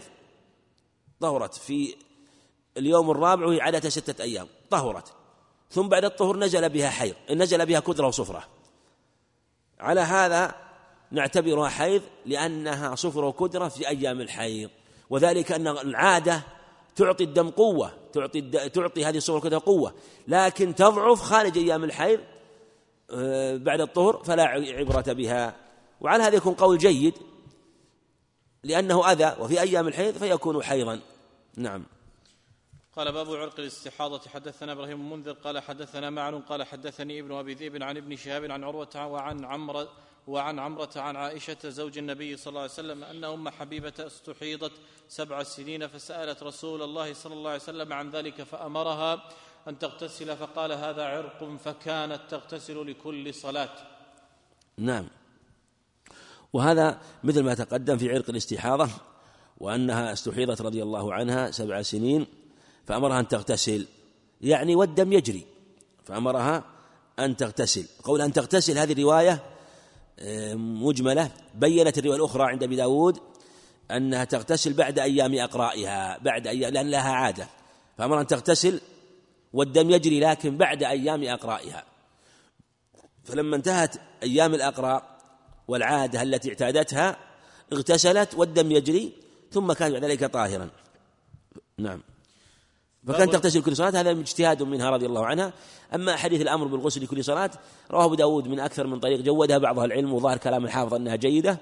فإن صحت محمول على الاستحباب لأن النبي عليه الصلاة والسلام ما أمرها بالغسل لكل صلاة. إنما الغسل مرة واحدة وهو عند انتهاء أيام العادة. هذا الواجب عليها. والوضوء لكل صلاة. نعم. باب المرأة تحيض بعد الإفاضة. حدثنا عبد الله بن يوسف قال أخبرنا مالك عن عبد الله بن أبي بكر بن أبي بكر بن محمد بن عمرو بن حزم عن أبيه عن عمرة بنت عبد الرحمن عن عائشة زوج النبي صلى الله عليه وسلم أنها قالت لرسول الله صلى الله عليه وسلم يا رسول الله إن صفية بنت حيي قد حاضت. قال رسول الله صلى الله عليه وسلم لعلها تحبسنا ألم تكن طافت معكن معكن فقالوا بلى. قال فاخرجي. حدثنا معل بن أسد قال حدثنا وهيب عن عبد الله بن طاووس عن أبيه عن ابن عباس قال رخص للحائض أن تنفر إذا حاضت. وكان ابن عمر يقول في أول أمره إنها لا تنفر ثم سمعته يقول تنفر إن رسول الله صلى الله عليه وسلم رخص لهن. نعم. وفي دلالة أن المرأة إذا حاضت بعد الإفاضة أنها تنفر. المرأة تحيض بعد الإفاضة والمعنى أنه لا طواف عليها ولا وداع عليها وأذن النبي لها عليه الصلاة والسلام. وقال أحابسني قال إن قد قال فلا إذن. فلا إذن. ورخص آه، لها للحائض بعدما ذلك أنها تنفر أنها تنفر ما دام أنها قد طافت طواف الإفاضة. نعم وفي الحديث الثاني حدثنا معل بن أسد هذا أخو بهز بن أسد أخوان معل بن أسد وبهز بن أسد أخوان وهيب بن خالد. وكان ابن عمر هذا من قول طاووس يقول ابن عباس وكان ابن عمر. في أول يقول إنها لا تنفر ثم سمعته يقول تنفر. إن رسول الله صلى الله عليه وسلم رخص لهم لأن بلغته السنة وكانوا رضي الله وقافين عند السنة. نعم. باب إذا رأت المستحاضة الطهر الطهر. قال ابن عباس تغتسل وتصلي ولو ساعة ويأتيه ويأتيها زوجها إذا صلت. الصلاة أعظم. حدثنا أحمد بن يونس عن زهير قال حدثنا هشام عن عروة عن عائشة قالت قال النبي صلى الله عليه وسلم إذا أقبلت الحيضة فدعي الصلاة وإذا أدبرت فاغسلي عنك الدم وصلي. نعم. هذا يقول إذا رأت المستحاضة الطهر. يعني أن إذا رأت المستحاضة الطهر والمراد بالطهر هنا يعني بعد دم الحيض بعد دم الحيض. وإذا انتهى لأن المراد به أن أن المستحاضة طاهر وأن وأن حكم حكم الطاهرات. وإذا إذا رأت مستحاضة الطهر بمعنى أنها انتهت أيام العادة أو إن كانت مميزة. فبهذا ترى الطهر. بهذا ترى الطهر. فإذا كان لها عادة وانتهت أيام عادة عادة ستة أيام تقف. وبهذا تكون رأت الطهر فتغتسل. إذا لم تكن لها عادة مميزة فبانتهاء أيام الحيض الذي ميز الدم الأسود تكون رأت الطهر لأن ما بعده حكم حكم الطاهرات. وقال ابن عباس تغتسل وتصلي ولو ساعة. هذا وصله ابن أبي شيبة والدارمي طريق أنس بن سيرين عنه. أما ما رأت البحراني يعني الدم البحراني فلا تصلي. وإذا رأت الطهر ولو ساعة فلتغتسل ولتصلي. إذا رأت الطهر قول إذا رأت الطهر يعني آه، انتهت عادتها أو الدم الأسود آه، ولهذا الدم البحراني لأن الدم الحيض يأتي يجري واسع الجريان بخلاف آه، وهو الدم دم الحيض دم الحيض. وأما قوله يأتيها زوجها فهذا وصله عبد الرزاق. وصله عبد الرزاق. يأتيها زوجها. وقد ثبت عند أبي داود أن من قول عكرمة أن حمنة كان يأتيها زوجها رضي الله عنها. وقول الصلاة أعظم هذا من كلام البخاري رحمه الله قاله بحثا. وجاء عن سعيد بن جبير عن ابن عن عند عبد الرزاق كذلك أن الصلاة أعظم. يعني إذا كانت الصلاة إذا كانت تصلي فالصلاة أعظم من انجماع زوجها لها. إذا أقبلت الحيض فدعي الصلاة وإذا أدوت فاغسلي عنك الدم وصلي. ربط الأمر بإقبالها. الإقبال هنا إن كان لها عادة فإقبالها بمجيء بمجيء أيام العادة إذا كان لها عادة. إقبالها بمجيء أيام العادة. وإن لم يكن لها عادة تمييز فإقبالها بالتمييز. فإذا أقبلت بالتمييز فدعي الصلاة. فإذا أدبرت انتهى الدم الأسود. في هذه الحالة تغتسل ولو كان الدم يجي لأنها مستحاضة. إذا كان لها عادة فإقبالها بمجيء أيامها. إذا كان لها مثلا في اليوم الخامس من اليوم الخامس تكون حائضا حتى مثل اليوم العاشر أو الحادي عشر ويكون به إدبارها وتغتسل وحكم حكم الطاهرات. ولذا قال فاغسلي عنك الدم وصلي يعني ولو كان الدم يجري مثل ما تقدم في المرأة التي كانت تصلي من أزواج النبي عليه الصلاة والسلام والطست تحتها في المسجد بل وتعتكف نعم. باب الصلاة على النفساء وسنتها. حدثنا أحمد بن أبي سريج قال أخبرنا شبابة قال أخبرنا شعبة عن حسين المعلم عن ابن عن ابن بريدة عن سمرة بن ابن جندب أن امرأة ماتت في بطن فصلى عليها النبي صلى الله عليه وسلم فقام وسطها. نعم أي سنة الصلاة عليها يعني وأنها مشروعة ومسنون الصلاة عليها. وجاء في مسلم تسمية المرأة أنها أم كعب. أحمد بن أبي سريج هذا ابن الصباح النهشلي شبابه بن سوار المدائني نعم. وفيه أنه قام عليها وسطها عليه الصلاة والسلام وأن الصلاة على النفساء مثل غيرها من النساء وأنه يقوم وسط المرأة وعند رأس الرجل كما في حديث سمرة مفصل وحديث سمرة أو كما في حديث الحديث الآخر الحديث الآخر مفصل وحديث سمرة هنا فقام وسطها فقام وسطها. آه، وأن هذه السنة وأنه صلى عليها والوسط والله أعلم إنها ماتت في نفاسها وبطنها وجنينها في بطنها. نعم. باب حدثنا الحسن بن مدرك قال حدثنا يحيى بن حماد قال أخبرنا أبو عوانة من كتابه قال أخبرنا سليمان الشيباني عن عبد الله بن شداد قال سمعت خالة ميمونة زوج النبي صلى الله عليه وسلم إنها كانت تكون حائضا لا تصلي وهي مفتري وهي مفترشة بحذاء مسجد رسول الله صلى الله عليه وسلم وهو يصلي على خمرته إذا سجد أصابني بعض ثوبه. وهذا الباب ليس موجود بعض النسخ لكنه إن كان ثابت فهو كالفصل مما قبله. والحسن مدرك هذا أبو علي البصري قال حدثنا يحيى بن حماد والشيباني أبو عوانة آه، يشكري أبو آه، أبو أبو عوانة الوضاح اليشكري الوضاح اليشكري من كتابه لأنه أتقن وأضبط من كتابه. هذا واضح. أخبرنا سليمان الشيباني هو سليمان أبو إسحاق سليمان بن أبي سليمان عبد الله بن شداد قال سمعت خالتي. أنك تكون حائضا صل لا تصلي وهي مفترشة بحذاء مسجد رسول الله صلى الله عليه وسلم. المسجد المراد هنا مكان السجود. يعني المكان الذي يصلي فيه ويسجد فيه عليه الصلاة والسلام صلي على خمرته إذا سجد أصابني بعض ثوبه بعض ثوبه وكأن ارتباطه بما تقدم أن المرأة كما أن النفساء والحائض آه، يعني آه، بدنها طاهر فكذلك أيضا إذا توفيت انتهت الأحكام المتعلقة بالدنيا وانقطع مسمى النفاس في حقها فلا بأس أن يصلى عليها في المسجد ولو كانت ماتت وهي نفساء نعم. قال رحمه الله بسم الله الرحمن الرحيم. كتاب التيمم وقول الله تعالى فلم تجدوا ماء فتيمموا صعيدا طيبا فامسحوا بوجوهكم وأيديكم منه. باب حدثنا عبد الله بن يوسف قال أخبرنا مالك عن عبد الرحمن بن القاسم عن أبيه عن عائشة زوج النبي صلى الله عليه وسلم قالت خرجنا مع رسول الله صلى الله عليه وسلم في بعض أسفاره حتى إذا كنا بالبيداء أو بذات الجيش. انقطع عقد لي فأقام رسول الله صلى الله عليه وسلم على التماسه وأقام الناس معه وليسوا على ماء فأتى الناس إلى أبي بكر الصديق. فقالوا ألا ترى إلى ما صنعت عائشة؟ أقامت برسول الله صلى الله عليه وسلم والناس وليسوا على ماء وليس معهم ماء. فجاء أبو بكر ورسول الله صلى الله عليه وسلم واضع رأسه على فخذي قد نام. فقال حبست رسول الله صلى الله عليه وسلم والناس وليسوا, وليسوا على ماء وليس معهم ماء. فقالت عائشة فعاتبني أبو بكر وقال ما شاء الله أن يقول وجعل يطعنني بيده في خاصرتي فلا يمنعني من التحرك إلا مكان رسول الله رسول الله صلى الله عليه وسلم على فخذي. فقام رسول الله صلى الله عليه وسلم حين أصبح على غير ماء. فأنزل الله آية التيمم فتيمموا فقال أسيد بن ابن الحضير ما هي بأول بركتكم يا آل أبي بكر؟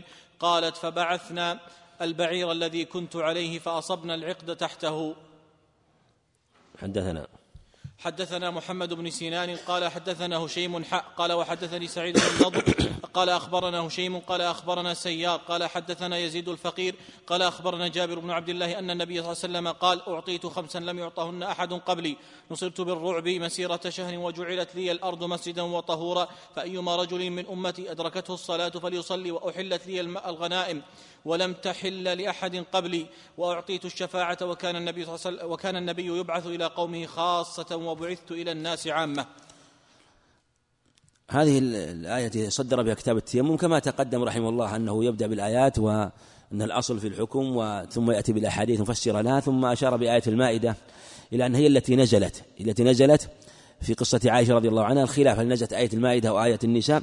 لكن جاء في رواية البخاري فنزل قوله تعالى يا أيها الذين آمنوا إذا قمتم إلى الصلاة. صريح أن هي التي نزلت في قصة عقد عائشة رضي الله عنها وجاء فيه مشروعية التيمم وأنه يشرع عند فقد الماء أو عند عدم القدرة على حصول على استعماله وأن فاقد الماء لا وفاقد الماء أو أيضا فاقد التيمم كما أو أو الذي لا يمكن يتيمم يصلي سيأتينا. وأن الصلاة لا تسقط بحال وأنه إذا صلى على حاله فإنه لا يعيد الصلاة ولو كان فاقدا للطهورين جميعا. نعم.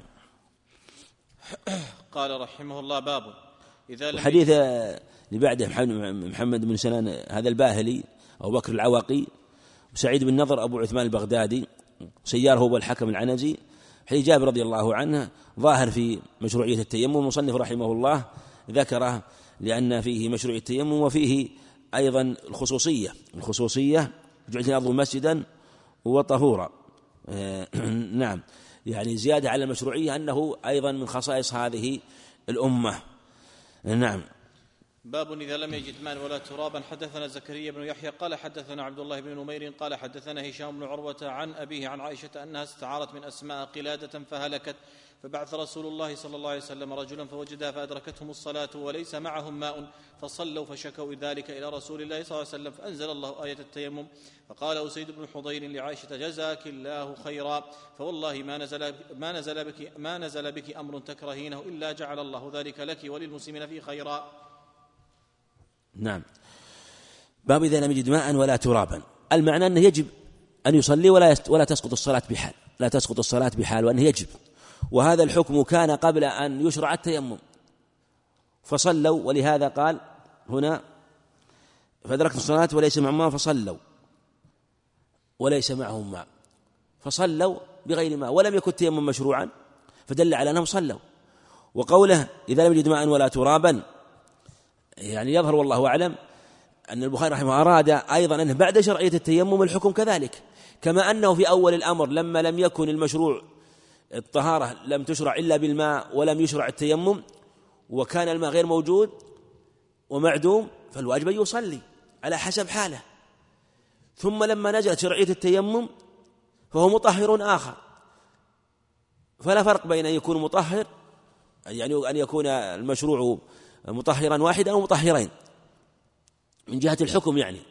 فإذا لم يجد ماء ولم يجد ولم يتمكن من التراب أو كان مصلوبا أو لم يستطع لأنه مريض ولا يستطيع يصلي على حسب حاله ولو كان لم يتوضأ ولم يتيمم. كما أنه الحكم في ذلك الوقت قبل نزول التيمم صلوا بغير ماء. كذلك بعد نزول التيمم صلى بغير ماء ولا تراب. بل إذا كان الواجب هو الماء فهو أبلغ من التراب ويصلي بغير ماء فكذلك مع شرعية التراب إذا لم يستطيعه أو لم يجد أو لم يجد ما يتيمم به أو لم يستطع فإنه يصلي. والصحيح أنه لا يعيد لا يعيد الصلاة هذا هو الصحيح. نعم. قال باب التيمم في الحضر إذا لم يجد الماء وخاف فوت الصلاة به قال عطاء وقال الحسن في المريض عنده الماء ولا يجد من يناوله يتيمم. أقبل ابن عمر من أرضه بالجرف فحضرت العصر بمربد الغنم فصلى ثم دخل المدينة والشمس مرتفعة فلم يعد. حدثنا يحيى بن بكير قال حدثنا ليث عن جعفر بن ربيعة عن الأعرج قال سمعت عميرا مولى بن عباس قال أقبلت أنا وعبد الله بن يسار مولى ميمونة زوج النبي صلى الله عليه وسلم حتى دخلنا على أبي جهيم على أبي جهيم بن الحارث بن الصمة, الصمة الأنصاري. فقال أبو جهيم أقبل النبي صلى الله عليه وسلم من نحو بئر جمل فلقيه رجل فسلم عليه فلم يرد عليه النبي صلى الله عليه وسلم حتى أقبل على الجدار فمسح بوجهه ويديه ثم رد عليه السلام. نعم. التيمم في الحضر إذا لم يجد الماء وخاف فوت الصلاة. وأنه يشرع. وبه قال عطاء قول عطاء وصله عبد الرزاق كما قال حافظ من وجه صحيح أنه يتيمم وقال الحسن في المريض عنده الماء ولا يجد من يناوي يتيمم. نعم قول الحسن وصل إسماعيل القاضي في الأحكام كما هو مثبت عندي من كلام الحافظ رحمه الله. وكذلك فعل ابن عمر وأقبل ابن عمر من أرضه بالجرف. هذا موضع آه، بالمدينة قرب المدينة فحضرت العصر بمرد بمربد الغنم. هذا وصله الشافعي والبخاري لم يذكر منه التيمم وهو مقصود. حذفت التيمم منه وقال حافظ يعني لا لا أدري ماذا حذف ذكر التيمم منه لأنه مقصود من في الترجمة. وذلك أنه قريب من المدينة وليس يعني قريب من المدينة ثم تيمم رضي الله عنه. حدثنا يحيى بن بكر ويحيى بن عبد الله. والحديث ظاهر في أنه عليه الصلاة والسلام لما لقيه رجل في المدينة من نحو من نحو بئر جمل سلم على النبي عليه الصلاة والسلام فلم يرد عليه السلام حتى أقبل على الجدار عليه الصلاة والسلام فمسح بوجهه ويديه ثم رد عليه السلام. عند الشافعي أنه حك الجدار حك الجدار. في دلالة أنه إذا خشي فوت فوت الصلاة أنه يتيمم فإذا خشي خشي فوت الوقت إنسان خشي فوت فوت الوقت فوت الوقت آه، التيمم الحضر إذا لم يجد ماء وخاف فوت الصلاة وخاف فوت الصلاة. هذه في مسائل وقع الخلاف فيها وقع الخلاف فيها. إذا كان الذي يخشى فوته أمرا مشروعا ولا أمرا مشروعا وليس واجبا فهذا لا بأس يتيمم له مثل رد السلام. مثلا رد السلام فلا بأس أن أن يتيمم ويرد السلام ولو كان الماء موجود مثل ما فعل النبي عليه الصلاة والسلام. فإنه تيمم ورد السلام عليه الصلاة والسلام دل على أن هذه الطهارة مشروعة في مثل هذه. الحال ولو كان الماء موجود. أما إذا كان في الحضر إذا كان في الحضر آه، وعلم أنه علم أنه لو آه، انتظر الماء خرج وقت الصلاة. فلا يجوز أن يؤخر وقت الصلاة حتى يجد الماء. لا لأنه مخاطب بالصلاة ومأمور بها وهو لا يستطيع الوضوء عنده البدل فلم تجدوا ماء فتيمموا. يتيمم ويصلي. لكن هذا إذا كان في الوقت سعة. في أول وقت مستيقظ. أما إذا كان إنسان استيقظ من آخر الوقت استيقظ من آخر الوقت قبل طلوع الشمس بدقائق ولو ذهب وتوضأ خرج الوقت. وإن تيمم أمكن أن يتيمم ويصلي. هل يتيمم ويصلي أو يتوضأ؟ الصحيح أنه أنه يتوضأ ولو خرج الوقت. لأن وقته من حين استيقظ. هذا إذا كان لم يفرط فهو غير فهو معذور. وإن كان غير مفرطا فهو آثم. لأن النبي عليه الصلاة والسلام من نام عن صلاة نسي فيصليها إذا ذكرها. لا كفارة لذلك أقم الصلاة لذكري فذلك وقتها. فوقته من حين استيقظ. وعلى هذا نقول يتوضأ ولو خرج وقت الصلاة. أما إذا كان مستيقظ من أول وقت ولو بحث عن الماء لخرج وقت الصلاة. هذا لا هذا الوقت المتسع إذا لم يمكن فيه وجود الماء لا يكون مخاطبا بالماء بالتطهر الماء. بل يتيمم يتيمم في هذه الحال آه، في هذه الصورة بخلاف الصورة الأخرى كما تقدم. نعم. باب المتيمم هل ينفخ فيه ما حدثنا؟ آدم قال حدثنا شعبة قال حدثنا الحكم عن ذر عن سعيد بن عبد الرحمن بن أبزة عن أبيه قال جاء رجل إلى عمر بن الخطاب, بن الخطاب فقال إني أجنبت فلم أصب الماء. فقال عمار بن ياسر لعمر بن الخطاب أما تذكر أن كنا في سفر أنا وأنت؟ فأما أنت فلم تصلي وأما أنا فتمعكت فصليت فذكرت ذلك للنبي صلى الله عليه وسلم فقال النبي صلى الله عليه وسلم إنما كان يكفيك هكذا. وضرب النبي صلى الله عليه وسلم بكفيه الأرض ونفخ فيهما ثم مسح بهما وجهه وكفيه. يعني هل يشرع النفخ الكفين حينما يضرب التراب أو لا يشرع؟ هل هو سنة؟ النبي عليه الصلاة والسلام إنما يكفيك هكذا ثم قال ونفخ فيهما. هذا هو الشاهد من الحديث الترجمة. لكن هل هذا مشروع أو أنه فعل لأمر عارض؟ محتمل. وإن كان يظهر والله أعلم أنه آه، فعله لأمر عارض إما لكثرة تراب وخشي حين إذا مسح وجهه أن يصيبه قدر أن يصيبه أذى وأن يؤذيه التراب. وليس المقصود تنيس الوجه المقصود المسح. ولهذا لما علق التراب نفخ فيه ويدل عليه أنه عليه الصلاة والسلام ذكر صفة المسح في حديث أبي الجهيم وذكر صفته في حديث عمار ولم يذكر النفخ. فدل على أنه فعله لأمر عارض ولهذا المصنف أورده بالتسع هل ينفخ فيهما؟ يعني جعل للنظر مجال. هل يشرع أو لا يشرع؟ لأن هذا فعل عادي في الأصل النفخ فعل عادي. وفعله المركوز في الجبلة كالأكل والشرب فليس ملة. يعني آه، مثل أشياء. لكن لما كان فعلا في عبادة فعل في عبادة رقاه من الأفعال التي يفعل الإنسان جبلة إزالة التراب عنه وما أشبه ذلك إلى العبادة لأنه إذا جرى في عبادة. ولهذا جاءت الشبهة في هذه. هل هو عبادة لأنه جرى في عبادة هل هو عبادة لأنه فعله في عبادة أو ليس عبادة؟ مثل مسائل أخرى تذكر في بعض الأحكام التي يفعلها في عباده عليه الصلاة والسلام في مسائل في بعض مسائل الحج. هل هي حكمها حكم العبادة التي آه، فعلها أو أنها فعل مقتضى الجبلة لكن الأخبار الأخرى حيث لم يأمر به ولم يذكر يدل على أنه ليس أمرا مقصودا منه عليه الصلاة والسلام وأنه فعله لأمر عارض. نعم. قال باب التيمم للوجه والكفين. حدثنا حجاج قال أخبرنا شعبة عن الحكم عن ذر عن ابن عبد الرحمن بن أبزة عن أبيه قال عمار بهذا وضرب شعبة بيديه الأرض ثم أدناهما من فيه ثم مسح بهما وجهه وكفيه. وقال النضر أخبرنا شعبة عن الحكم قال سمعت ذرا يقول عن عن ابن عبد الرحمن بن أبزة قال الحكم وقد سمعته من ابن عبد الرحمن عن أبيه قال قال عمار وضوء المسلم يكفيه من الماء. حدثنا سليمان بن حرب قال حدثنا شعبة عن الحكم سمعت ذرا عن ابن عبد الرحمن بن, أب ابن أبزة عن أبيه أنه شهد عمر وقال له عمار كن في سرية فأجنبنا وقال تفل فيهما. حدثنا محمد بن كثير قال أخبرنا شعبة عن الحكم عن ذر عن ابن عبد الرحمن بن أبزة عن أبيه قال عمار لعمر تمعكت فأتيت النبي صلى الله عليه وسلم فقال يكفيك الوجه والكفان يكفيك الوجه والكفان. حدثنا مسلم عن شعبة عن الحكم عن ذر عن ابن عبد الرحمن بن أبزة عن عبد الرحمن قال شهدت عمر قال له عمار وساق الحديث. حدثنا محمد بن بشار قال حدثنا غندر قال حدثنا شعبة عن الحكم عن ذر عن ابن عبد الرحمن بن أبزة عن أبيه قال عمار فضرب النبي صلى الله عليه وسلم بيده, بيده الأرض فمسح وجهه وكفيه.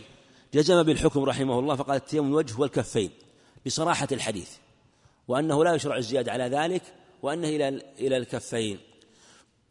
من جهة صراحة الأخبار بهذا ولهذا في نفس الخبر يكفيك الوجه والكفان في الرواية الأخرى. أيضا مطلق اليد في اللغة إذا أطلقت المراد بها الكف. في قوله تعالى والسارق والسارقة فاقطعوا أيديهما. وهو تطلق من الرسق من الرسق فمطلق اليد في اللغة يراد به هذا المكان وهو من جهة الرزق وجاء صريحا في هذا الحديث يكفيك الوجه والكفان. ثم ساق المصنف رحمه الله من طرق نعم حجاج هذا هو بن منهال الأنماطي ثم ذكر وقال النضر بن شميل وهذا الطريق وصله مسلم. أخبرنا شعبة عن الحكم قال سمعت ذر. الطريق الأول عن الحكم عن ذر عن سعيد. الحكم عن ذر بن عمر ذر هو بن عمر عن سعيد. الطريق هذا الذي علقه البخاري وقد وصله مسلم. قال عن الحكم قال سمعت ذرا. فيه فائدة أن الحكم صرح بسماعه من ذر بن عمر. أيضا فيه فائدة أخرى وهي أرفع من الفائدة من الفائدة التي قبلها أن الحكم سمعه من شيخ شيخه من سعيد بن عبد الرحمن. يعني سمعه من ذر تلميذ سعيد وارتفع وسمعه من سعيد ابن عبد الرحمن بن أبزع. ثم المصنف رحمه الله كأنه يشير إلى التوقف في هذا السند لأن أكثر الروايات التي جاءت عن الحكم إلا طريق النظر لم تذكر الرواية رواية الحكم عن سعيد وأن سمع من سعيد. أكثرها جاءت عن عن الحكم عن ذر عن سعيد. بالواسطة بين ذر وبين الحكم وسعيد. أكثر الرواة هكذا. ولهذا ساق الأخبار ليدلل على أن الطريق المحفوظة أنها من رواية الحكم عن ذر عن سعيد. كأن يوم إلى أن ما جاء في الطريق المعلق من رواية النضر بن شميل أن الحكم سمعه من سعيد إيه، كأنه يشير إلى أنها خلاف الأشهر. لكن إيه، ذكره لها في المتابعة يدل على أنه استأنس بها. ساقه من الطريق من هذا الطريق آه، عن ذر عن الحكم عن ذر. واللي قبله عن الحكم عن ذر. يعني والثاني الحكم عن ذر. والثالث الحكم عن ذر والرابع الحكم عن ذر كلها عن الحكم عن ذر إلا تلك الطريقة التي جاءت أن سمع من ذر عن عبد عن سعيد وسمعه من سعيد مباشرة. وهذا لا إنكار فيه قد يقع ودام أن الراوي ثقة والنظر من شميل إمام رحمه الله شيخه ميزان شعبة رحمه الله. إمام كبير توفي سنة 204 سنة وفاة الشافعي رحمه الله النظر بن شميل المازني. نعم. قال رحمه الله باب. الصعيد الطيب وضوء المسلم يكفيه عن الماء. وقال الحسن يجزيه التيمم ما لم يحدث وأما ابن عباس وهو متيمم. وقال يحيى ابن سعيد لا بأس بالصلاة على السبخة والتيمم بها. حدثنا مسدد قال حدثني يحيى ابن سعيد قال حدثنا عوف قال حدثنا أبو رجاء. عن عمران قال كنا في سفر مع النبي صلى الله عليه وسلم. وإنا أسرينا حتى إذا كنا في آخر الليل وقعنا وقعة ولا وقعة أحلى عند المسافر منها فما أيقظنا إلا حر الشمس فكان أول من, من استيقظ فلان ثم فلان ثم فلان. يسميهم أبو رجاء فنسي عوف ثم عمر بن الخطاب الرابع. وكان النبي صلى الله عليه وسلم إذا نام لم يوقظ حتى يكون هو يستيقظ لأننا لا ندري ما يحدث له في نومه. فلما استيقظ عمر ورأى ما أصاب الناس وكان رجلا جليدا فكبر ورفع صوته بالتكبير فما زال يكبر ويرفع صوته بالتكبير حتى استيقظ بصوته النبي صلى الله عليه وسلم. فلما استيقظ شكوا إليه الذي أصابهم. قال لا ضير أو لا يضير ارتحلوا فارتحلوا فسار غير بعيد ثم نزل فدعا بالوضوء فتوضأ ونودي بالصلاة فصلى بالناس فلما انفتل من صلاته إذا هو برجل معتزل لم يصل مع القوم قال ما منعك يا فلان أن تصلي مع القوم؟ قال أصابتني جنابة ولا ماء قال عليك بالصعيد فإنه يكفيك. ثم سار النبي صلى الله عليه وسلم فاشتكى إليه الناس من العطش فنزل فدعا فلانا كان يسميه أبو رجاء. نسيه عوف ودعا عليا فقال اذهبا فابتغيا الماء. فانطلقا فتلقيا امرأة بين مزادتين أو سطيحتين من ماء. على بعير لها فقال لها أين الماء؟ قالت عهدي بالماء امس, أمس هذه الساعة. ونفرنا, ونفرنا خلوفا. فقال قال لها انطلقي إذن. قالت إلى أين؟ قال إلى رسول الله صلى الله عليه وسلم. قالت الذي يقال له الصابئ. قال هو الذي تعنينا فانطلقي فجاء بها إلى رسول الله صلى الله عليه وسلم وحدثاه الحديث. قال فاستنزلوا فاستنزلوها عن بعيرها. ودعا النبي صلى الله عليه وسلم بإناء ففرغ فيه من أفواه المزادتين أو السطيعتين. وأوكى أفواه أفواههما. وأطلق العزالي ونودي في الناس. اسقوا واستقوا. فسقى من سقى. واستقى من شاء وكان آخر ذلك أن أعطى الذي أصابته الجنابة إناء من ماء. قال اذهب فأفرغه عليك وهي قائمة تنظر إلى ما يفعل بمائها. وأيم الله لقد أقلع عنها وإنه ليخيل إلينا أنها أشد ملأة منها حين ابتدأ فيها. فقال النبي صلى الله عليه وسلم اجمعوا لها. فجمعوا لها من بين عجوة ودقيقة وسوي وسويقة حتى جمعوا لها طعاما فجعلوها في ثوب وحملوها على بعيرها ووضعوا الثوب بين يديها قال لها تعلمين ما ما ما رزئنا رزئنا ما, ما رزئنا من مائك شيئا ولكن الله هو الذي أسقانا فأتت أهلها وقد احتبست عنهم فقالوا ما حبسك يا فلانة؟ قالت العجب لقيني رجلان فذهب بي إلى هذا الذي يقال له الصابئ ففعل كذا وكذا فوالله إنه لأسحر الناس من بين هذه وهذه وقالت بإصبعها الوسطى والسبابة فرفعتهما إلى السماء تعني السماء والأرض. أو أنه لرسول الله حقا. فكان المسلمون بعد ذلك يغيرون على من حول حولها من المشركين ولا يصيبون الصرم الذي هي منه. فقالت يوما لقومها ما أرى أن هؤلاء القوم يدع يدع يدعونكم عمدا فهل لكم في, في الإسلام؟ فأطاعوها فدخلوا في الإسلام. قال أبو عبد الله صبا خرج من دين إلى غيره. وقال أبو العالية الصابئين فرقة من أهل الكتاب يقرؤون الزبور. رحمه الله رحمه الله ساق الحديث بكماله في فوائد عظيمة ثم بوب مع أن الفائدة التي أشار إليها كلمة في الحديث أو كلمة قال وهي قوله عليك بالصعيد. ولم يخلي الكتاب من هذه الفوائد العظيمة في هذا الخبر. ثم بعد ذلك ما حصل بإسلام هذا الصرم بكلمة واحدة من هذه المرأة فيرجى أن يكون بإسلامه وإسلام أن يكون في صحيفتها. رضي الله عنها لأنها كما في هذا الحديث ما نعم يدعونكم فدخلوا في الإسلام فأطاعوها فدخلوا في الإسلام. الله أكبر جميعا. والشاهد كما تقدم الصعيد طيب وضوء المسلم يكفي عن الماء. كما في قال عليك بالصعيد فإنه يكفيك. وقال الحسن يجزيه التيمم ما يحدثه وهذا وصله عبد الرزاق. وقول أما ابن عباس وهو متيمم هذا رواه ابن أبي شيبة وإسناده صحيح كما يقول الحافظ. وقال يحيى بن سعيد لا بأس بالصلاة على السبخة أو السبخة وهذا لم يذكر الحافظ من وصله. ويحيى بن سعيد نعم. ويحيى بن سعيد الأنصاري نعم هو الأنصاري. لا بأس بالصلاة على السبخة والتيمم بها. وهذا هو الأظهر يعني أن الصلاة على السبخة لأن الأصل هو التوضؤ هو هو الوضوء. آه، بما تصاعد أرض. ولا يخص بشيء دون شيء ولا يخص بشيء دون شيء. وابن عباس أما وهو متيمم. أما وهو متيمم. وأنه لا بأس أن يؤم المتيمم المتوضئين وذلك أن التيمم طهارة. والصحيح أن المتيمم يصلي بطهارة التيمم ما لم يحدث هذا الصواب خلافا للجمهور. والنبي وسماه طهارة وسماه وضوء. صعيد وضوء المسلم حديث البزار حديث أبي هريرة. عند البزار وحديث جيد وحديث أبي ذر عند أهل السنن وأحمد. يعني وإن كان في سنده لكن شاهد حديث هريرة وعموم الأدلة. قول سبحانه فلم تجدوا ماء فتيمموا صعيدا طيبا. فهذا هو الصواب وهو الذي صدره به البخاري رحمه الله. نعم.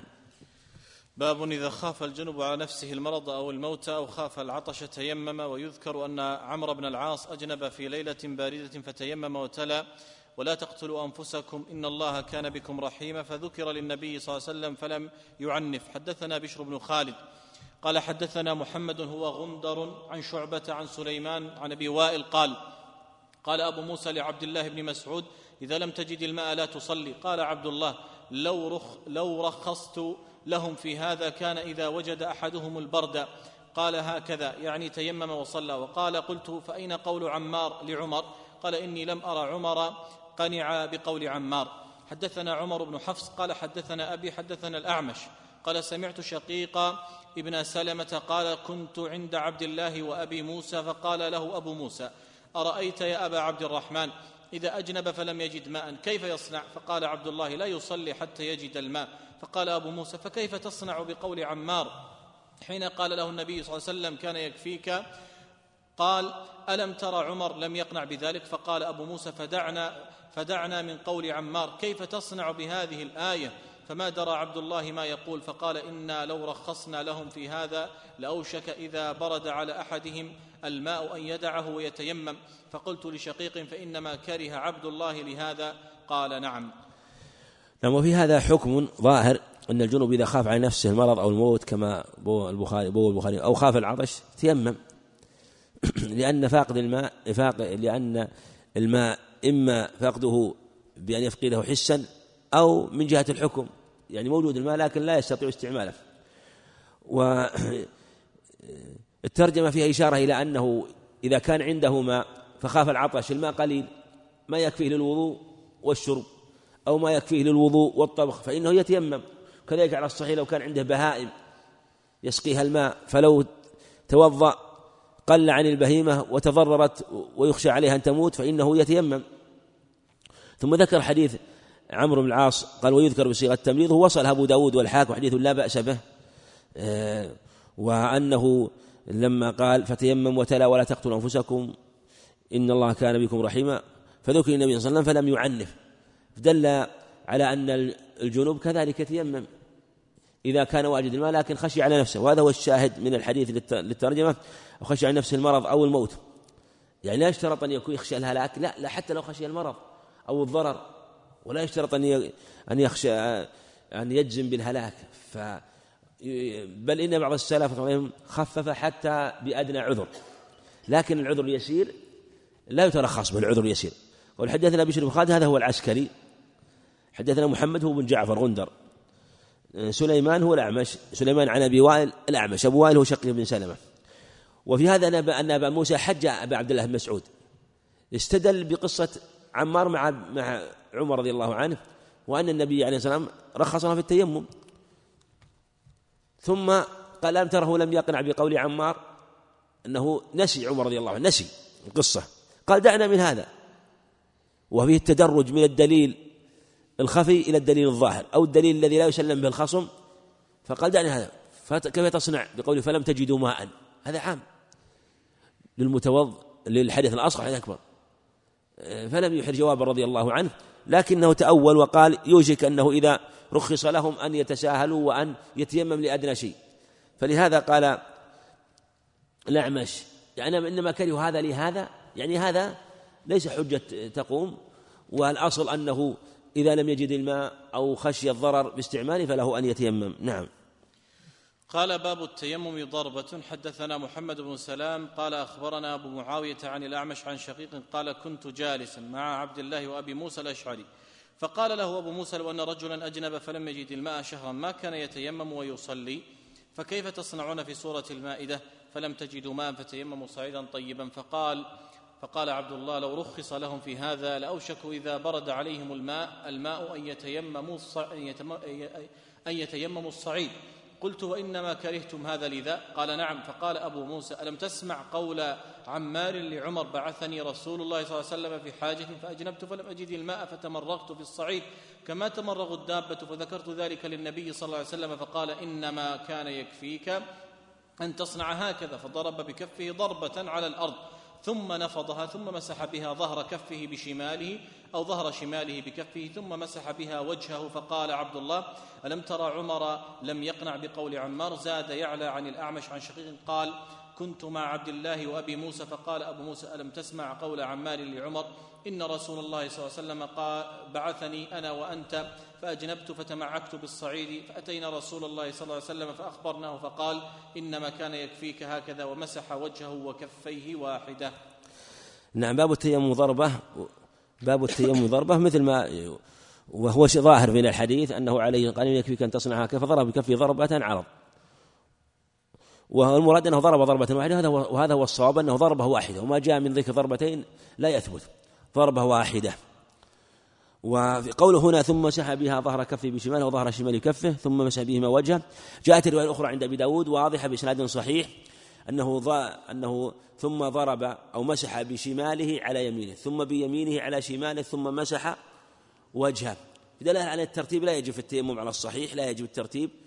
وأنه لو ولهذا مسح يديه قبل وجهه. هم يقولون يمسح الوجه قبل يدين والحاق التيمم بالوضوء وقياس عليه لا دليل عليه والصواب أنها طهارة مستقلة كما خفت في الصفة وخفت في العدد كذلك في الكيفية التخفيف فيها من جميع الجهات فهي أخف من جهة العدد فالتيمم ليس في جميع الأعضاء في في الكف في الكفين وجه. وكذلك التخفيف فيها أنه مجرد مسح مجرد مسح لهذا بهذا. وإذا مسح الظهر اليمين ها حصل مسح باطن الكف وظاهر باطن اليسرى آه، بظاهر اليمنى وظاهر اليمنى بباطن اليسرى. ثم إذا مسح ظاهر اليسرى باليمنى مسح ظاهر اليسرى بباطن اليمنى ومسح باطن اليمنى بظاهر اليسرى. فيحصل مسح الظاهر والباطن مسح الظاهر والباطن. ثم مسح وجهه جاء بثم الدل على الترتيب. وأنه بدأ بمسح اليدين قبل الوجه كما تقدم. لكن هذه الرواية أيضا فيها آه، شيء آخر. من رواية أبي معاذ الأعمش أنه بدأ بالآية. تقدم معنا أنه بدأ بقصة عمار ثم استدل بعد ذلك بماذا؟ بالآية. وهذا هو الأظهر. والرواية التي تقدم رواية شعبة عن سليمان وهو الأعمش. وشعبة إمام مع أن آه، أبا معاذ محمد خازم ثقة في الأعمش في الأعمش لكن رواية شعبة أتقن وأن المعروف في الروايات عند البخاري أنه ذكر قصة عمار ثم بعد ذلك قال دعنا من هذا. ما تصنع بهذه الآية. وهذا هو الظاهر كما تقدم لها صدر المصنف تلك الرواية ثم ذكر بعدها هذه الرواية. نعم. قوله هنا ثم نفضها نفض اليدين بعد الضرب. ضرب كفه بضربة واحدة ثم نفضها ثم مسح بها نعم ثم نفضها. هذا كذلك أيضا. وهذا يبين هذا يشهد ما تقدم أن المقصود هو إزالة التراب لا أن النفخ. ولهذا نفضها عليه الصلاة والسلام ليخفف ما فيها من التراب لما وصف له. وقد يكون مفسر لقوله نفخ المتقدمة المراد النفض هو النفخ يفسر أحدهما بالآخر للمتقدم. نعم. قال باب حدثنا عبدان قال أخبرنا عبد الله قال أخبرنا عوف عن أبي رجاء قال حدثنا عمران بن حسين الخزاعي أن رسول الله صلى الله عليه وسلم رأى رجلا معتزلا لم يصلي في القوم فقال يا فلان ما منعك أن تصلي في القوم؟ فقال يا رسول الله أصابتني جنابة ولا ماء قال عليك بالصعيد فإنه يكفيك. نعم هذا الباب ساقط بعض النسخ فإن كان ثابت هو كالفصل ما قبله. وذلك أن فيه دلالة عليك بالصعيد. تقدم أنه قال تيمم ضربة وهذا يستفاد أيضا من قوله عليه الصلاة عليك بالصعيد فإنه يكفيك. لأن قال عليك بالصعيد هذا أمر مطلق. وعند علماء الأصول الأمر المطلق يعني كما يقال فرض شائع في جنسه يحصل مرة واحدة. فإذا ضرب حصل الامتثال الأمر المطلق. ولهذا الأمر المطلق ليس التكرار. وإذا ضرب الصعيد مرة واحدة حصل الامتثال ويكون شاهدا للترجمة التي قبلها كما في التي قبلها ضرب ضربة ضرب الأرض ضربة واحدة وأن هذا هو الواجب كما تقدم وأنه لا يشرع التكرار. والله أعلم وصلى الله وسلم وبارك على نبينا محمد.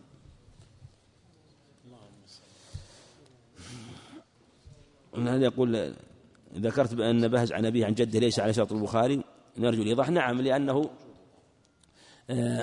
ليس على شرط البخاري رحمه الله ولهذا أبرزه جزم قال وقال بهز. وقال بهز فهو صحيح ولا بهز؟ أما ما بعد بهز ولهذا الذي ليس على شرطه يبرزه. ويدل عليه أنه ذكر في كتاب النكاح قال ويذكر عن بهز. في كتاب النكاح قال ويذكر عن آه، معاوية بن حيد القشيري أو قال ويذكر عن عن حكيم بن معاوية بن حيد القشيري عن أبيه. لما آه، أبهم بعض السند أبهم بهز وأباه أو أبهم بهزا قال ويذكر فدل على ليس على شرطه.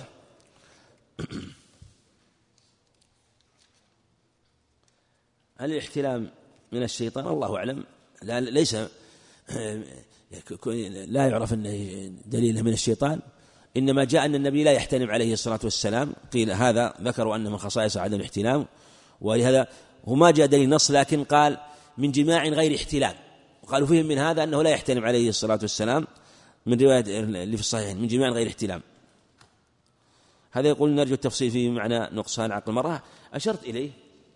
أشرت إليه أن النقصان فيما يتعلق فسرها النبي عليه الصلاة والسلام. أليس شهادة؟ في مسألة الشهادة بينها. وذلك في قوله تعالى أن تضل إحداهما وتذكر إحداهما الأخرى. بمعنى أنها المرأة يعني النسيان في حقها أكثر والغفلة في حقها أكثر. كذلك أيضا ضعف من جهة الحجة. لا شك أنها أن الرجل أتم حجة. فلهذا قال ما قال. وهذا يعتبر ولهذا نفس الرجال. يعني يعتبر مثلا الشخص آه، المميز العاقل. قبل تمييزه عقله ناقص من جهة أنه آه، ليس مكلف. فهو ناقص من هذه الجهة. فلم يتم. فالنقص في هذه الجهة ليس عيبا لكن الله ركب المرأة على تركيب خاص ولذا جعلت بالشهادة مع امرأة أخرى. جعلت معها الشهادة معها امرأة أخرى حتى تذكرها آه، في الشهادة بشيء من قيودها من ضوابطها. وهذا واضح لأن في نفس في الحديث ذكر الشهادة وفي الآية قال حتى تذكر تذكر إحداهما الأخرى من جهة النسيان. ولا شك أن قوة العقل كلما كان عقله قويا كلما كان حفظه أتم وأكمل. وبقدر النقص في في العقل يقص يحصل نقص في الحفظ ونحوه من الإدراك والفهم. يقول في مسألة البال إذا بال أحد في مساجد اليوم هل يصب الماء على الفرش وتحت طبعا أو, أو شيء لا يمكن لكن لو فرض أنه وقع البول فإنه يغسل. لأن في الغالب الآن المساجد مستورة ومكتومة ولا تفتح للهواء والريح فإنه إيه، تحصل الرائحة فلا بد من غسل. لكن لما إذا كان لو كان مسجد مثلا مفتوح أو حصبة أما إذا كان فرش لا حصبة مثلا ويأتيه الهواء والريح هذا هذا قول الأحناف اختيار تقي الدين أنه يطهر يعني يطهر. ظاهر حديث ابن عمر ولم يكونوا يرشون شيء ولم يكونوا يرشون شيئا من ذلك. أما حين تغلق المساجد وتكون الفرش في هذه الحالة لا تزول إلا بغسلها. من راجح في التيمم في الكفين؟ أول الوجه لا. كلاهما جائز مثل ما تقدم. كلاهما لا بأس به. حديث مسلم أن دخل مو واضح الحديث أنها دخل وأخو عائشة إلى أن قال فاغتسلت وأفاضت على رأسها وبينهم. إيه لأنها رضي الله عنها ابن أختها. ابن أختها عروة أو غيره آه، كانت يعني فيما يظهر منه قصد يقصد حديثها المعروف حينما وضعت سترا فكانت تبدي رأسها لهم وهي تغتسل رضي الله عنها وكانت على ستر كانوا يرون رأسها. كانت تغسل وتدلك رأسها وتريهم كيف كان غسله عليه الصلاة والسلام.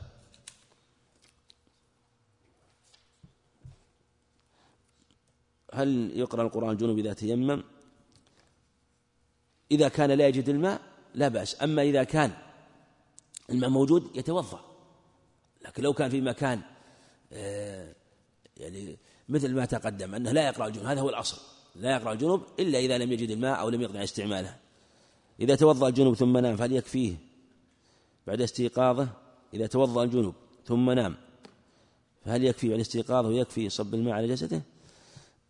نعم يكفي لأن الفصل بينهما لا يؤثر. الفصل بينهما لا يؤثر وكأنه توضأ واغتسل. هل تتيمم المرأة بعد الطهر إذا لم تجد الماء لتصلي؟ نعم إذا كانت المرأة لم تجد الماء فكذلك حكمها كالجنوب. إذا لم يجد الماء فإذا لم تجد الماء لأنها الآن إذا طهرت حكمها حكم الجنوب. المرأة إذا انقطع دمها حكمها حكم الجنوب. حكمها الجنوب. يعني أنا ليست حائضة أنا هي كالجنوب. ولهذا جوز بعض العلماء لها يعني ولهذا حكم حكم الجنوب. فلا تقرأ القرآن. إذا طهرت الآن ما تقرأ القرآن.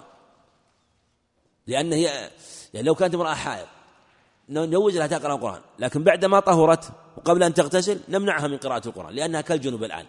فطهارتها في يدها فلا تقرأ حتى تطهر فإذا لم تجد ماء تيممت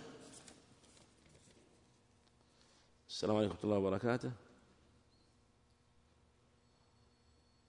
طريقة المضمضة والاستنشاق من غرفة واحدة. هكذا.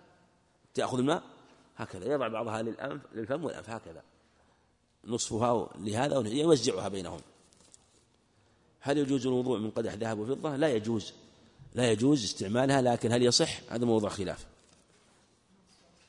إذا كنت تستمع الجوال لدرس كقراءة حديث وأنا إذا كن إذا إذا كنت أستمع بالجوال لدرس كقراءة حديث وأنا أستمع له بالجوال في الحمام فهل في ذلك بأس؟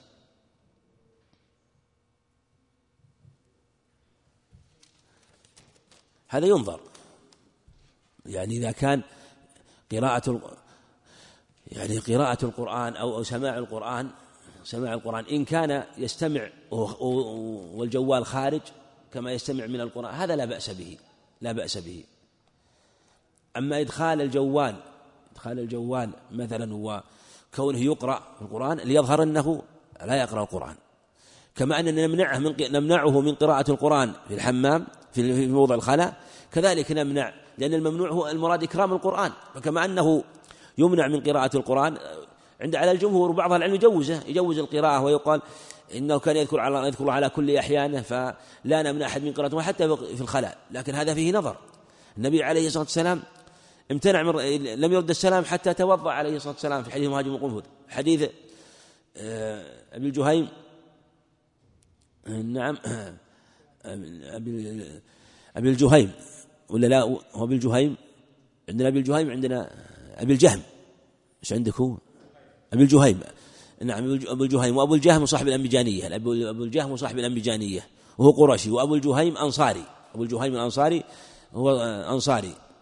وأبو الجهم صاحب الأنبجانية النبي عليه والسلام آه، مس الجدار ومسح وتيمم عليه الصلاة والسلام. يدل على أن قراءة القرآن ينبغي آه، أو لا يقرأ في حال الخلاء وذلك أنه معذور وهو انقطاع يسير فيكرم القرآن عن قراءته في هذا ومن ذلك في الجوال. السلام ورحمة الله السلام عليكم ورحمة الله وبركاته. وعليكم السلام ورحمة الله وبركاته. هل يبدأ في السلام يبتدأ في السلام وتقديم الطعام والشراب والدخول من الأبواب من اليمين والأكبر سنا كما الحديث في السواك أو الأكبر؟ لا نقول نحن في نقول أن يعني أنهم إذا كانوا مترتبين إذا كانوا مترتبين في هذه الحالة يبدأ بالأكبر. إذا كانوا يبدأ بالأكبر ثم من عن يمينه. بالأكبر ثم من عن يمينه إذا كانوا مترتبين في مجلس. فإن كانوا مستوين يعني لم يتميز أحد عن آخر مستوين مستوون في الصفات فيبدأ باليمين. فإن كان فيه تميز لأحد من كبر سنه ونحو ذلك يبدأ بالكبير ثم من عن يمينه كما فعل النبي عليه الصلاة والسلام مع الأعرابي ومع الغلام بدأ من عن يمينه.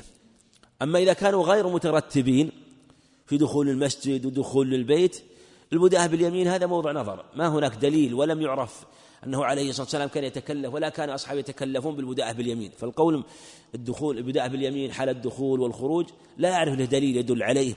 وأن النبي وأن النبي وأصحابه كانوا يتم أصحابه وكانوا يدخلون في في البيوت حينما يدعون ولم يكن ينقل أنهم كانوا يتكلفون يبدأ بالأيمن لا كل يدخل من جهته كل يدخل من جهته. لكن قد يقال مثلا أنه إذا كان فيهم كبير يقدم من جهة الإكرام لأن عموم الأدلة كبر كبر الكبر الكبر ابدأوا بالكبير في بعض الألفاظ يبدأ به من جهة وهذا يشمل كل حالة. لكن بدأ باليمين في هذه المواطن معنى أنهم آه، الجميع مستوون ومتقاربون فلا دليل على ذلك. لكن الكبير إكرامه مشروع على كل حال وليس منا من لم يوقر كبيرنا آه، في مثل هذا. آه، ما دام إذا كان لم يكن في مشقة أما إذا كانوا كثيرين ويصير في مشقة والنظر والبحث لا. فيدخلون ولا يتكلفون. كيف الجمع بين المضمضة والاستنشاق من كف واحدة؟ تقدم الإشارة إليه وأنه هكذا بعضها الفم وبعضها الأنف. يقول أخذت امرأة بنتا من دار الأيتام قبل عشرين سنة وكانت ترفض الرضاعة مباشرة من الثدي فقامت المرضعة بوضع اللبن في فنجان القهوة وتسقيها كل يوم قدر فنجان قهوة لمدة سبعة أيام. فهل هذه الرضعة تحرم؟ الفنجان القهوة يشبع الطفل عمره أربعة أشهر. هذا ينظر إذا كان التحريم بالرضاع يجري سواء كان من الثدي أو أيضا مما يؤكل حتى ولو جبلت نفس الحليب.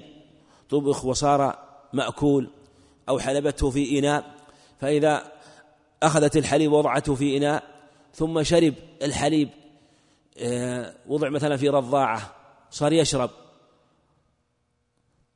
ويمص الثدي من حليب من حليبها حتى تركه. تعتبر رضعة عند الجمهور.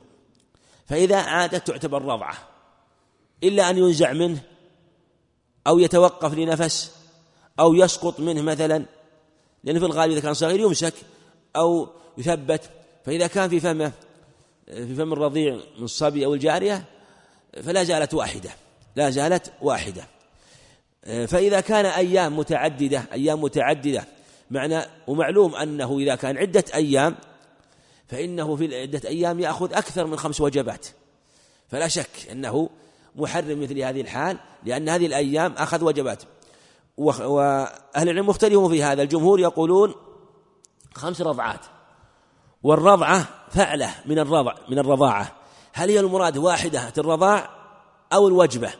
بالقيم رحمه الله يرى أن المراد بالرضعة هي الوجبة المشبعة. فإذا لم يشبع إلا من خمس ثلاث رضعات اعتبرها رضعة واحدة. ولو كانت متفرقات. واختيار بعض المتأخرين من العلم والجمهور يقولون لا. وجاء عن الإمام أحمد رحمه الله رواية في هذا تحتمل ابن صاحب المغني فسرها على تفسير وخالف ابن القيم رحمه الله في زاد المعاد فسرها تفسير آخر. ولا شك الاحتياط الأخذ بقول الجمهور في مثل هذا والله أعلم وصلى الله وسلم وبارك على نبينا محمد.